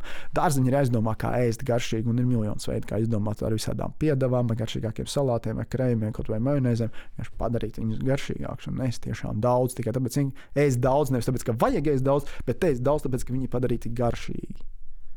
Jā, tu pieminēji tos šķiedrvielu pulverus, noteikti Jā. to pašu mums ir jāuztver arī par proteīnu, ka uzņemam Jā. no pilnvērtīga uztura. Jā. Nevis uzķeramies uz eh, šiem eh, bieži vien maldinošiem marķējumiem par augstu proteīna saturu. Ja mēs paskatāmies, tīp, nu, šeit runājam jā, par uzkodām, jā. paskatāmies uz tiem batoniņiem, tur ir vairāk visa kā cita, nevis olbaltumvielu bieži vien. Jā, jā. Uh, Tātad, ja mēs tagad mēs turpinām paturpināt to pašu sajūtu par to sātu, sātu veido trīs komponentes viena komponente ir apjoms. Tad, tad tas ir tas pirmais. Tāpēc vien mums nederēs uh, pulveri mēs varētu īstenībā visas dienas vajadzīgās šķiedrvielas, obaltumvielas un, un, un ošhidrāts, un arī tādas attiecīgi kopējās kalorijas ietilpināt noteikti kaut kādās divās glāzēs, varētu pulveri ietilpināt. No ošhidrātiem tas būtu kaut kāds cukurs vai kaut kas līdzīgs, no obaltumvielām tas būtu obaltumvielu pulveris, nu, cik mums tur vajadzētu 100 gramus, nav vajag daudz, un tad, tad attiecīgi vēl kaut kāds tauks pieliet eļļu klāt. Mēs varam ietilpināt to riktīgi mazā apjomā. Ar mūsdienu ēdienu inženierijas palīdzību mēs pat varētu uztaisīt garšīgu. Kaut kāds neliels divs placenīšs, kas ir pat garšīgi. Jā. Mēs varētu viņus apēst un būt laimīgi, ka mēs esam apēduši to visu. Bet mums nebūs apjoms. Kuņģim ir Lai gan kuņģis visiem cilvēkiem ir vienāds, ja viņš tur vienkārši mainās tā stiepšanās, tā, tā tas stiepšanās koeficients tā varētu saukt. Ja. Bet kuņģis cilvēkam ir tāda diezgan riebīga lieta, ka viņš ir pret cilvēku izmēriem diezgan liels. Viņš diezgan bieži jāpiepilda. Ja tu nepiepildīsi, diemžēl viņš signalizēs par to ar izsaukumu, ka viņš grib kaut ko tur iekšā. Tad mums ir jābūt ēdienu apjomam. Un tad, ja mēs aizstājam kaut kādu daļu ēdienu ar pulveri, mēs attiecīgi neapēdam to, kas varēja būt kā īstais ēdiens. Ja? Man vienmēr ir jautājums par šiem cilvēkiem, kas grib to pulveri ēst vai kaut ko tamlīdzīgu. Saka, ok, labi, ēd to pulveri, bet tev tas apjoms jānodrošina. Ko tu ieliksi iekšā tajā brīdī, kad tev gribēsies to apjomu nodrošināt? Tad, ja tu neapēdi dārziņus, ja tu neapēdi tās obaltumvielas, ko tu apēdi? Un cik tajā būs kalorijas? Te ir jāpiemina to, ka obaltumvielas un, un, un, un šīs šķiedrvielas visbiežāk satur vismazāk kalorijas un nodrošina visilgāko sātu. Tas ir tas, ko īstenībā mēs baigi gribam. Mēs baigi gribam šo panākt, šo sajūtu. Ja? Uh, Un tad mēs pieliekam klāt, protams, ogļhidrātus un taukus, lai tas viss ir garšīgi. Un tad beigās tas arī balansējās kalorijās. Jo, ja ēdīs tikai ko ļoti daudz, ah, bet tad es varēšu tikai obaltumvielas liesas un tikai dārzeņus. Jā, tas nebūs pietiekami garšīgi, un tur būs par maz kalorijas, kā mēs runājam, ka to nevajag. Jā. Bet atgriežoties pie šiem tēmiem Jā, tad, tad, tad, tad, tad, tad pie tā, kas sastāv to sātu vislabāko, ja pirmais ir apjoms. Un apjoms signalizē uzreiz. Ja nedabūja apjomu, uh, nu, tad kuņģis vienkārši rāda, ka viņš nav pilns un tā nebūs īsta apmierinājuma sajūta. Otrs ir kalorijas. Kalorijas signalizē vēlāk. Mēs varam apmānīt savu kuģi, kā jau teicu, ar šo te. Mēs varam piebāzt vienkārši apēst vistas filēs, sausu vārītu, negaršīgu kaut kā iestumt un iekšā kopā ar zaļiem, piemēram, sagriezt tomātiņus un gurķus un bez nekā apēst. Varam, kuģis būs pilns, uz brīdi mums būs viss labi, bet organisms diezgan ātri signalizēs, ka viņš nav apmierināts. Un šo baigi grūti izprast, kas tad īsti ir. Tad ir tas variants, ka it kā ēdiens ir, kur it kā negribas, it kā gribās kaut kāda saldumiņa, man ir cukuratkarība, man ir emocionāla ēšana un viss kaut kas tam līdzīgs. Īstenībā šo to ļoti bieži, tas nevis ļoti bieži, bet tas ir tas, kur organisms signalizē, ka viņam nebija pietiekami kalorijas. Tas vienkārši vēl viens, nu, vēl viens veids, kā izaicināt savu izsaukumu. Un es visu laiku domāju, ka ir īstenībā tikai divi šie tēmi. Šie divi ir tie svarīgie faktori. Līdz nu, kā nu strādā tiem cilvēkiem, strādā, strādā, strādā. Tu saproti, beigās, ka ir trešais faktors tam visam, vēl, kuram ir milzīga nozīme. Un trešais faktors ir garš. Tam visam vēl ir jābūt garšīgam. Un zini, kā garšīgam? Un te ir vairāk sievietēm jāvēršās, pie sievietēm jāvēršās. Sievietes kaut kādā veidā sevi ir iemācījušas ēst. Nu, nepiet, es negribu teikt, negaršīgi. Tas nav negaršīgi. Negaršīgi kaut kas, kas tiešām ir pārāk rūkts, pārāk sāļš vai pārāk kaut kāds nu, tāds. Tas ir negaršīgs. Bet es teiktu, pareizāk nepietiekami garšīgi. Restīvi, es ēdu, ir ok, un es uzskatu, ka man tā ir jāēd. Es teiktu tā, ka ēdienam Nu, var tur vairākus veidus noteikti. Viens veids, viens, viens kaut kāds teiksim, kāds standarts varētu būt, vai tavs bērns ēdīs to ēdienu. Ja nē, viņš nav pietiekami garšīgs. Un tas nenozīmē, ka viņam ir uzreiz jāizskatās pēc pīcis. Jā. Vienkārši viņš nav pietiekami garšīgs. Jā. Tad kaut kas tur trūkst tam ēdienam. Arī vīrs ir bieži vien. Tas ir sievietēm. Vīrs piemēram, ir, ir rādītājs. Un vēl viens labs rādītājs ir, vai šādu ēdienu tu izvēlētos ēst restorānā tev ir miljonus izvēles, tu izvēlētos to ēst. Pie nosacījuma, protams, ka nu, tev strādās smadzenes tādā veidā, ka tu nu, drīkst viņu ēst nu, visu ēdienu. Jā. Bet tiešām tu izvēlētos šādu ēdienu. Un tad gribētu redzēt to cilvēku, parunāt, paskatīties viņam acīs, kurš, acīs, kurš tiešām teikt, ka viņš izvēlētos tādu ēdienu. Nu, nē, mēs visi visticamāk, tad, kad mums ir iespēja, mēs, nu, tad iespēja, un īpaši, ka mēs nebaidāmies no kalorijām, apzināti vai neapzināti, nebaidāmies no kalorijām, kā svara, mēs izvēlēsimies garšīgu ēdienu. Un te ir tā māka, tai sabalansētā ēšanā, tā tad atrast to apjomu, atrast tās kalorijas un atrast to garšu.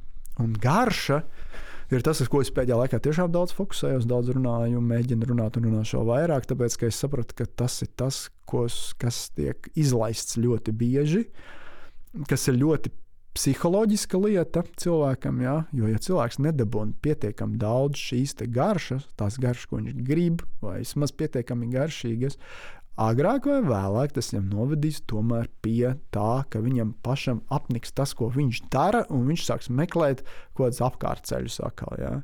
Restī mums ir jāpadara tā viss tā veselīgā ēšana, viss tas jāpadara ir tik garšīgs, cik garšīgi vien mēs to varam padarīt, uh, saglabājot normālas kalorijas. Un tas ir reāli iespējams. Tas ir diezgan vienkārši īstenībā. Ja? Tas nav tāds super sarežģīts lieta. Tas, nenoz, tas nenozīmē nekad uzreiz paņemt, kā es saku, majonēzi un uztaisīt restīti pāri. Tas nekad nenozīmē to. Tas nozīmē paņemt nedaudz majonēzi, varbūt vēl šo to klāt un padarīt visu to ēdienu tiešām baudāmu, garšīgu, tā ka pašam prieks, ko viņš ēd. Jā, mēs izrunājām daudzus mītus. Noteikti vēl ir daudz ko runāt, bet tu ar šiem mītiem sastopies ikdienā, pats darbā ar cilvēkiem. Vai nav tā, ka pirmais solis ar šādu cilvēku, kurš ir iespaidojies varbūt par daudz, un varbūt trūkst arī kaut kādas kritiskās domāšanas vai izpratnes par zinātni? Vai pirmais solis gadienā nav nevis sakārtot uzturu, bet sakārtot prātu? Un cik grūti vai viegli ir to izdarīt? Uh to izdarīt ir ļoti grūti. Ļoti daudziem pat tas neizdodas. Es godīgi varu pateikt, ka daudz cilvēku, kam tiešām eh, neizdodas, un, neizdodas, un tas, vien, tas iemesls pārsvarā ir viens. Tas cilvēks tik šausmīgi baidās no tā, no tā pāriešanas līdz sātam, tik šausmīgi baidās. Viņam, tik, viņam var likt jebkuru loģisku argumentu pretī. Viņš tā kā saprot, ar galvu saprot. Es viņam izskaidroju, mēs uzliekam kaut vai, es, es parasti nelieku nekādas kalorijas skaitīt, jo tas nav vajadzīgs. Uh, un tam līdzīgi uzliekam visu, izdomājam, izrunājam, kāds notiksies organismā. Tam līdzīgi cilvēkam atliek tikai pamēģināt nenobīties no šī sāta sajūtas un tur mēs bieži, bieži vien netiekam pāri šim visam. Jā, tad jāsaka, nu, tas iespējams jau beidzās mans darbs. Tur ir jāstrādā bišķīt vēl vairāk, jau jāiesaista. Ir noteikti kaut kas jau, jau, jau no, no psiholoģijas lauciņa iekšā. Jo, nu, nu, jā, ja ir tik liels tās bailes, ja viņas ir nepamatotas. Jā. Ja cilvēks domā, ka viņš paēdīs līdz sātam, viņam automātiski pieņemsies svarāk. Tas ir absolūti nepatiesi. Tu vari paēst līdz sātam. Un un viss būtu normāli. Un tu vari paiest, protams, līdz sātam, nu, tu vari paiest, ēst vienkārši kādu dienu pirktu picu, jā, kur ir viss pārlādēts ar taukiem un tam līdzīgi. Nu, skaidrs, ka tev būs pat daudz kaloriju. Neviens jau to nenoliedz. Jā, tas jau ir. Tieši nepaies līdz sātam un riskēt iet otrā galējībā. Jā, tad, tad ir otra galējība. Tad tā pica būs tāpatām agrāk vai vēlāk. Un pica mums kā metāfora tagad ir tikai, jā, bet agrāk vai vēlāk viņa būs. Jā tad ļoti daudz tiešām nobīstās no šī te. Ja? Tāpēc ļoti bieži tiem, kuriem ir smagākas tās problēmas, ja? ir tiešām jāstrādā ļoti daudz ar tieši ar to, nu, to psiholoģisko lauciņu. Ko, kā es to daru visbiežāk? Kā es to daru? Ko, ko es varu ieteikt arī cilvēkiem? Uh, Ļoti daudz cilvēku, es runāšu, atkal, jā, jāsaka, ka ar šo te visvairāk cīnās, protams, sievietes. Tāpēc, ka vīriešiem ir tas, es strādāju, protams, cilvēkiem pārsvarā, kuriem ir tas liekais svars. Protams, ir daudz daudz, bet viņi procentuāli salīdzinoši maz, kuri pie manis mācās, jā, iet, iet, iet kaut ko šo pašu manu uzturu. Uh, viņi iet tikai tāpat vien, lai uzlabotu kaut ko citu, kaut kādu enerģiju, kaut ko tādu. Tur tiem cilvēkiem, protams, ir vieglāk, ja viņiem nav tas svara, tas, tas, tas lielais bublis nestāv, tas, tas lielais damokla zobens virs galvas nekarājās ar tas svars saucamais. Uh, bet uh, vīriešiem ir vienkāršāk, viņiem tas svars ir pienācis klāt, tāpēc, ka viņi vienkārši šeit par daudz un miers, jā, viņiem tur sakārtot uzturu, uztais garšīgi, parāda, kā ēst garšīgāk, foršāk, viņiem vispār krietni vieglāk visu tikt galā. Ir. Viņiem parāda tādu cilvēcīgāku pieeju tam visam, kā tu joprojām vari ēst visu, kas tev garšo, visus teikus, viss, viss, viss, vis, bet, bet viņš sakārtojams to visu. Uh, bet uh, es tāpēc es runāšu vairāk tieši par sievietēm. Un sievietes ļoti daudzas, kuras cīnās ar šo svaru, ir jāsaprot, ka viņas cīnās visu mūžu. Man ir anketa cilvēkiem, jā, nu, ko es anketēju tos cilvēkus jau pirms tā visa sākuma. Un pārsvarā tie stāsti sākās jau 13, 14 gadu vecumā. Un tagad ir, protams, 40. Jā. Uh, tas nozīmē, ka tas stāsts ir bijis visu mūžu garumā. Sākās ne no kā, protams, no, no Te varētu vēl vienu tēmu celt augšā, bet es negribu pateikt, tas īsi. Sākās no vienas lietas.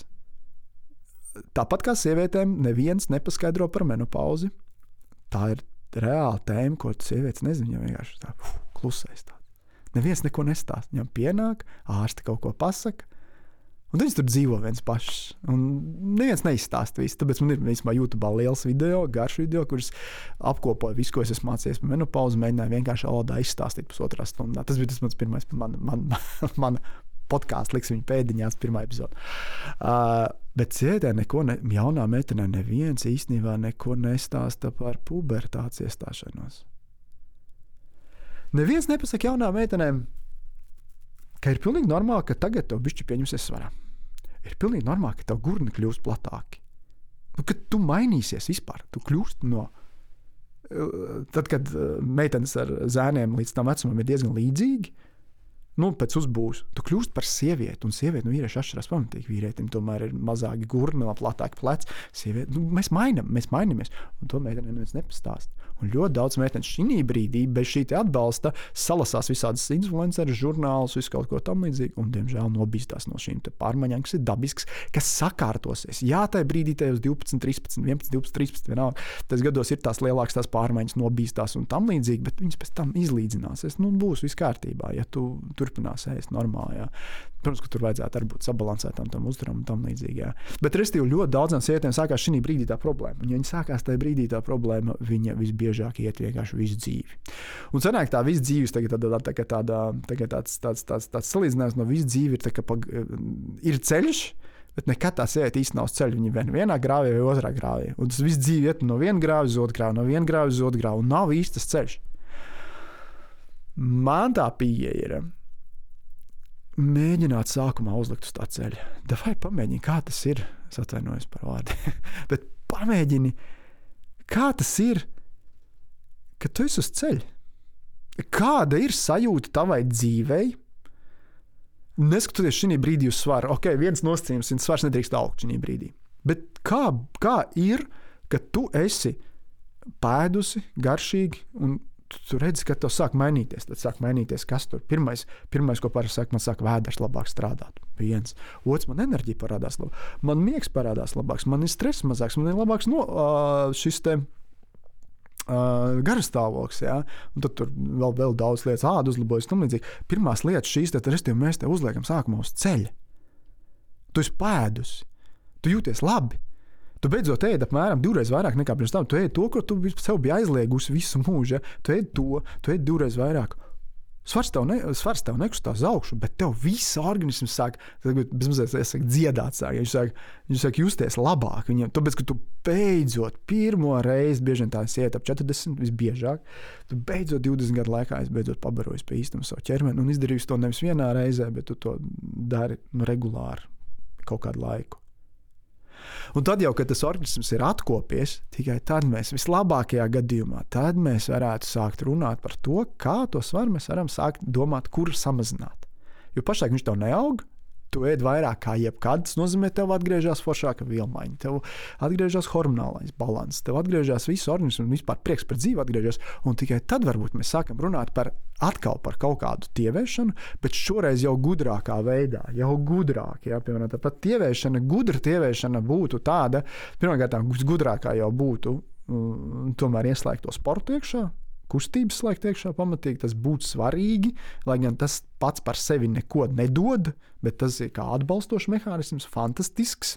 Plus vēl dod izskatam ļoti daudz. Tas, ko grib sievietes, piemēram, tas pats uh, tvirtums un tam līdzīgi, tas dod sports to. Nenoliedzam, tikai ar, tievieši, tikai ar uzturu to nevar panākt. Uzturu var tikai notēvēt. Un otrs, vai nu mēs ieliekam to ļoti mērenā deficītā un pastāvīgā, uz kurā var ļoti labi dzīvot, un tur viss notiekās, no organisms strādā perfekti, un viss, vismaz kamēr tievē. Vai arī ejam pa agresīvu, pa agresīvo ceļu, ļoti labi zinot, ko mēs darām uz īsu brīdi. Mēs ejam agresīvi, maksimums uz divām nedēļām. Ilgāk nevajadzētu iet agresīvajā kaut kādā ierobežojumā, bet pēc tam izējām ārā, aizjām ceļa. Un turpinām kādu laiku, ar atkal esam priecīgi, laimīgi, viss ir kārtībā, viss ir forši un atkal ejam tādā agresīvā kaut kādā brīdī. Mēs varam sevi tā sakot, šitā te sev tā bišķī tā, tā, tā, tādā veidā darīt. Jeb visbiežākais tas mans stāsts ir tāds, kā es, tos, kā es to pasniedzu. Es pasniedzu tā. Tu esi mēģinājis visu iespējamo. Kas tev slikts notiks? Ja tagad mēnesi tu pamēģināsi to, ko es tev iesaku darīt. Kas reāli slikts tev notiksies? Pat ja tie būs vēl pāris kilogrami, tas tev personu neko nemainīs dzīvē. Pat ja es kļūdīšos, un pat ja tev pienāks pāris kilogrami klāt. Bet tu būsi pamēģinājis šo, ko tu nekad neesi mēģinājis. Viss, ko līdz šim tu esi mēģinājis, ir kā ēst pēc iespējas mazāk un negaršīgāk. Tā vajag pamēģināt, kā ir pēc, ēst pēc iespējas garšīgāk, vairāk. Bišķi pretēji pieeja. Joprojām, joprojām nu, saglabājot kaut kādas kalorijas saprātā. Bet garšīgāk un vairāk.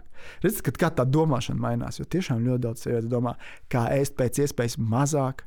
Nu, tam līdz nāk arī tas negaršīgāk. Nāk viņš ar to mazāk. Jā. Bet pamainām to domāšanu. kā dotajā brīdī, tad dotajās, teiksim, teiksim tā, mums ir kalorijas kā dotais lielums, kā tur ietopināt pēc iespējas vairāk un garšīgāk.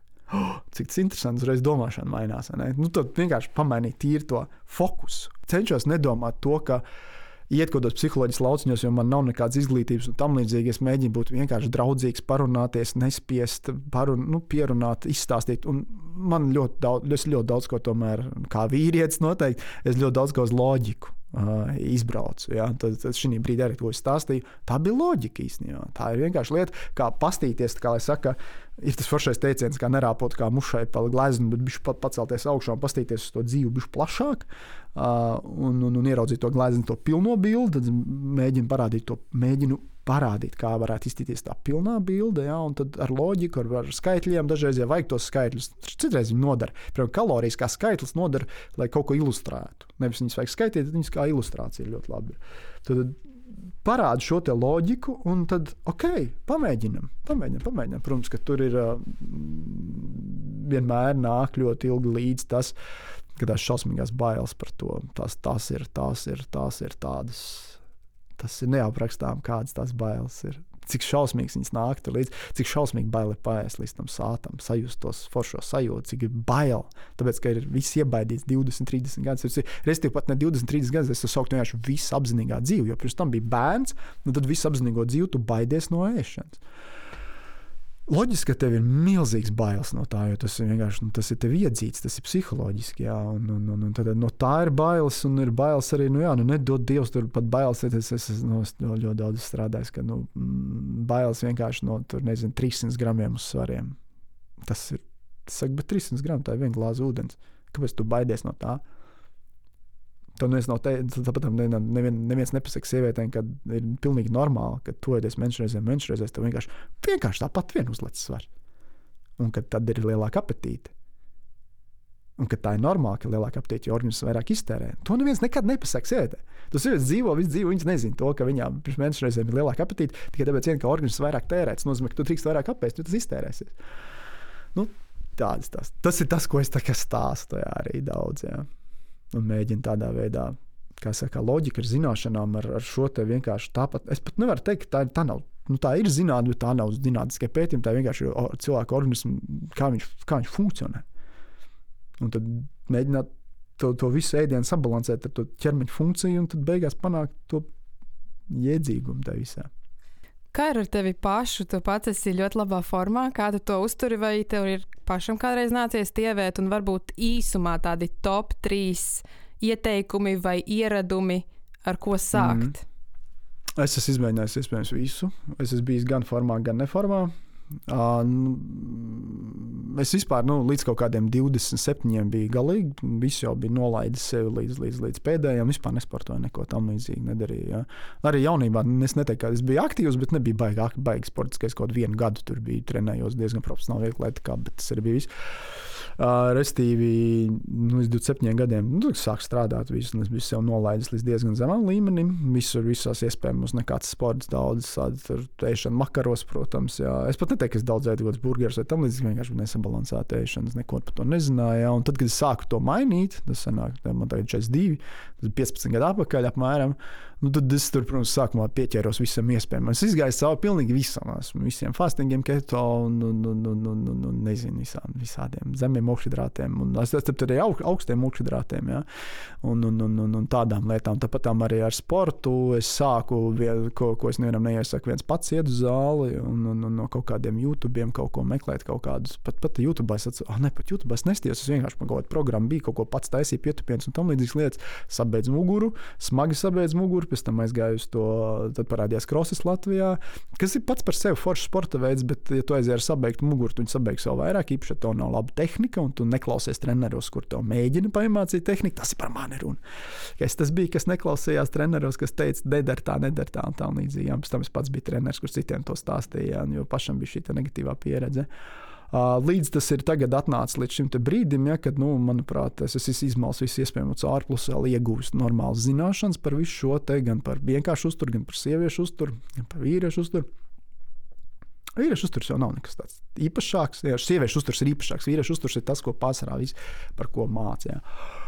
Uh, Nu jā, bet uh, joprojām ir tādi brīži, es uzskatu, tā, ka uh, dzīvē ir sezonas. Uh, sezonas nozīmē, ka var būt brīži, kad ir sliktāk. Piemēram, man bija tās lielās muguras problēmas, jā, un tad, vien, tad pirms paša Covid, COVID pašā taisa sākuma es vēl salauzu potīti. Un man bija man 19. gadā viens bērns, 21. gadā otrs bērns, un šogad pagājušajā gadā, 23. gadā, trešais bērns piedzima. Tas viss, viss sasumējot, man pat bija kaut kādi trīs gadi. Daļ, gan vairāk, lielākoties jau daļa tām sāpēm. Tam līdzīgi, ka nu, es diezgan salīdzinoši slikti ēdu, sliktāk ēdu noteikti. Uh, Es gan teiktu, ka tagad arī, nu, ja mēs redzētu kaut kāds veselīguma mērauklis, es, es, es, tas, tas nebūtu noteikti tā. Bet nu, es zinu, ko es daru, un es zinu, cik, to visu sabalansēt. Jā, piemēram, to pašu, ka es ļoti daudz, nu, arī mēdzu nopirkt kaut kādus saldētos kartupeļus un izcept viņus, jā, un, un, un, un, un, un, un mēdzu kaut kādas cīsiņas nopirkt, jā, kaut ko tādu gatavu. Jā. Es, tad tie, starp citu, ir normāli ēdeņi, viņus mākslinieks sabalansēt. Ja normāli garšīgi ēdiņi mākslinieks sabalansēt, un citreiz tiešām labāk ir apēst. Es citreiz arī saku, labāk aiziet, citreiz aiziet uz McDonald's paēst, nekā nepēst. Tas pat ir labāk, ņemot vērā, kas notiks, ja tu nepēdīsi, kas notiks pēc tam, būs vēl trakāk. Bet tas ir cits temats, kā tur ir sīkāk arī individuāli jānāk cilvēkam, lai nebūtu, lai nebūtu tā, ka es teicu, pateicu, ka var iet McDonald's. Tā nevajag dzirdēt to visu. Tā es neteicu, es teicu citā kontekstā. Uh, Bet, nu, attiecīgi, jā, tad, tad, tad arī ir bijis tā, jā, ka uh, tu tā kā bišķīt, uh, jā, pieaudzē kaut kādu svaru klāt, bet nedaudz. Es vienmēr viņu ar šo ēšanu māku noturēt, bet nedaudz es uzskatu, nu, ka, ja man tur kaut kādi 5 kg pienākuši klāt, pirms 3 gadus, tagad, kad es teicu, ne, apmēram netrenējos un, un sliktāk ēdu, nu, tad es teiktu, nu, 5 kg nekas tās traks nav, jā, un, un, un, un, un, un, un, un, un viņi arī, nu, jāsaprot, tā bija sezona, nu, gadījās, nu, es, nu, nebija nekas traģisks. Uh, un, un, un, un tāds, jā. Protams, ka viņi nu, tikpat viegli arī aizgāja bez nekādas badošanās un tam līdzīgs. Vienkārši, kad es biju vairāk sāk, kā man bija laiks, vairāk piedomāt pie ēšanas, vairāk arī piedomāt pie ēšanas. Bet kas tad ir tā top 3 lietas? Jā? Top 3 lietas. Uh, man gribās teikt, ka ļoti daudz tomēr dod visam tam, un es zinu, ko tas nozīmē, un tā, nu, teikt, dod spēku treniņu. Lai gan viss, piemēram, svars kā tāds ir atkarīgs tikai un vienīgi no uztura treniņos notērēt kalorijas apēstās ir nereāli parastam cilvēkam. Ja? Tomēr treniņiem ir baigi daudz tādas pozitīvās blakus īpašības, gan sākot no mentālajām, ar to saņemšanos un tam līdzīgi, gan arī to, kā treniņi tomēr regulē izsalkumu, bišķīt samazina izsalkumu. Pie pie nosacījuma, ka normāli ēd cilvēks. Ja? Gan arī to, ka nu, kā, nu, man jau ir bijis 40, jā, nu, man ir jādomā tas uh, muskuļu saglabāšanas tajos, tajos visos, un es ceru vēl pieaudzēšanas, jo vēl es negribu lietot kaut kādus hormonus papildus, ja? varbūt nākotnē, uh, bet nu, labi, tas ir cits sakals stāsts. Ja? Kad galīgi teiksim, nebūtu hormonu vai kaut kas tāds. Ja. Bet vēl es gribu pie tā piestrādāt, tad nu, man palīdz tās. Nu, un, un, un es baigi neaizraujos. Nu, pilnīgi pietiek kaut kādām trīs reizēm treniņu nedēļā, un tās nav kaut kāds ārprātīgi smagas vai kādas vienkārši tiešām tādā saprātīgā veidā es ieliku tos treniņus savā ikdienā. Uh, otra lieta, kas man varētu izteikti palīdzēt, uh, Jā, nu jā, jāpiebilst, ka visā šajā periodā, kurš man ir tie trīs bērni, liekas, nav, nav īsti nekad izdevies atjaunot pilnvērtīgu miegu. Pārsvarā miegs, diemžēl, senāk joprojām, tāpēc, ka bērni ir mazi, joprojām man ir visādi mērītāji, ko mēra, man vups, jā. joprojām man ir mm, laba nakts, man ir septiņām stundām, bet tas joprojām man nepietiek. Jo tā ir viena nakts, jā, būtu katra septiņas, tas vēl kaut ko teikt, bet nu, pārsvarā ir sešas, pat piecas, kas ir traģiski. Uh, bet ko es teiktu, kad uh, nu, viennozīmīgi, kas visvairāk man palīdz, ir, mm, un arī cilvēkiem palīdz tiešām tas noturēt tās olbaltumvielas. Nu, viņas dod to, to baigo bāzi tam visam stāstam ar to sātu. Un līdz ar to sātu man gribās arī teikt, ka Jo kāpēc neminēju, piemēram, dārzeņus? Jo dārzeņus tikpat labi var aizstāt, piemēram, ar augļiem. Tiem, kuriem dārzeņi, man, piemēram, arī šodien, piemēram, man ir, nebija iespēja paņemt līdzi dārzeņus no mājām. Uh, tas reiz ir, tas reiz ir, tas reiz nav. Jā, tad es piemēram, paņēmu augļus, paņēmu kaut kādus piecus, uh, piecus mandarīnus un vienu apelsīnu. Tas maistās daļai, daļai dārzeņus. Augļi ir fantastiski tādā ziņā arī. Uh, Un, otra, un, un trešā lieta, kuru nu, uzturā varbūt vajadzētu likt arī kā pašu pirmo, ja, nu, ir jāiemācās tā, tā sāta izsaukuma rotaļas. Tā varētu teikt. Viņas reāli jāsaprot, jāizprot. Ka tas, ka tu, ja tu pieeji, ja tu aizēji uz kaut kādu pasākumu vai svētkiem vai kaut ko tamlīdzīgu un nespēja apstāties pie, pie gardumu galda. Ja? Tas nav īsti kaut kāda tava tur cukuratkarība, emocionālais, kaut kas tamlīdzīgs. Tas vienkārši tu, tu esi izsalcis. Jā, to vajag baigi labi atpazīt. Tagad tu atpazīsti, to arī atpazīt, arī kuros brīžos tu izsalki. Jā. Īpaši tad, ja tu zini, kā ir, kā ir paēdis sātīgi. Jā. Tad tu sāc atpazīt šo te, ah, es paēdu līdz sātam, es nepēdu sātam. To, ko es, nu, gan es, gan mana sieva, mēs kolosāli to jūtam. Viņi arī to ļoti labi jūt. Viņi to zina, viņi ir ar bērniem maziem mājās. Viņi kolosāli to zina, kāpēc, kuros brīžos viņai ir tā, tā reakcija ir tāda, ka pēc visbesījuma gribās apēst tikai un vienīgi kaut kādu to šokolādi vai arī šo riekstu krēmu apēst, jā, veselu burciņu, jā, nevis ēst normālu ēdienu. Tāpēc, ka, nu, jā, nebija pietiekami, lai, nebija pietiekami daudz un laicīgi garšīgs, sātīgs ēdiens. Sagaidīt to mirkli, tagad tas mirklis. Jāpārlaiž, apēdam tos, tos, tos, tos, ko mums gribās, un atkal mēģinam dzīvot tālāk, pēc iespējas labāk, un atkal saprast, kā tas notiksies. Jā. Tā, tā, tā, tādi būtu man tie, tie laikam, trīs. Visticamāk, protams, ka gribās nosaukt vienmēr miegu, kā jau teicu. Tas ir baigi. Nu, tāpēc, ka nu, bez laba miega būs baigi grūti. Es tagad jūtu arī, jā, nu, ja man būtu labs miegs, tad vispār būtu viss perfekti. Vispār es neko nesūdzētos dzīvēm pat ar, nu, kā lai saka, ar, ar nedaudz treniņiem, un pat bišķīt varbūt tur tādu uzturu. Vispār ne par ko nesūdzētos. Bet tagad man ir miegs, par ko pasūdzēties. Jā. Bet viņš arī pāries. Tā kā tā ir sezona. Viņš pāries kaut kad, man būs atkal vēl jāpagaida kādi gadi.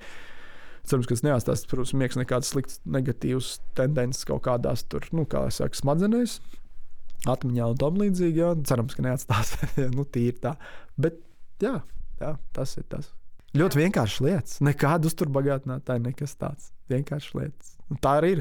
Uh, Tur man gribās piebilst arī to, ka ļoti daudz cilvēku jāsaprot, teiksim, kā uzturbagātinātāji un kaut kādas superspecifiskās lietas, kā kaut kāda ēšanas laiki un kaut kas tāds, tur, tur kaut kādas kā ošhidrātu un tauku proporcijas līdz 5, 5, 5% robežām.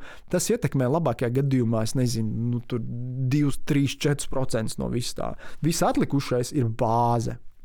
Tad pamatusturs un tam līdzīgi. Pamatusturs, miegs, šīs kustības un tam līdzīgi. Lielākā daļa cilvēku visu fokusu veltu uz šiem vieniem, diviem, trīs procentiem un vispār nedomā par šo bāzi. Bet kamēr tā bāze nebūs sakārtota, tur īstenībā nekas īsti nebūs. Ja kamēr cilvēks nebūs uz tā ceļa, kaut kādu laiku mums nesapratīs, ko tas nozīmē, kā būt uz ceļa. Ja, Paigā mētāšanās tā būs. Ja. Tātad, rezumē, mēs sakārtojam pamatus un mēs neiespringstam uz sekundāro. Nu, vispār nevajadzētu viņu iespringt. Vispār nevajadzētu. Nav jēgas, nu, ko tu 1-2% dos. Jā, super, Mārtiņ. Šī bija ļoti saturiski bagāta saruna, un es eh, ticu, ka mūsu klausītājiem ļoti daudz noderīgas informācijas. Un, uh, paldies, tev, ka tu piekriti eh, būt mans pirmais viesis, un noteikti kaut kur atkal tiksimies. Jā, paldies tev. Liels gods bija būt pirmajam viesim. Jā. Paldies, tev, ka uzaicināji.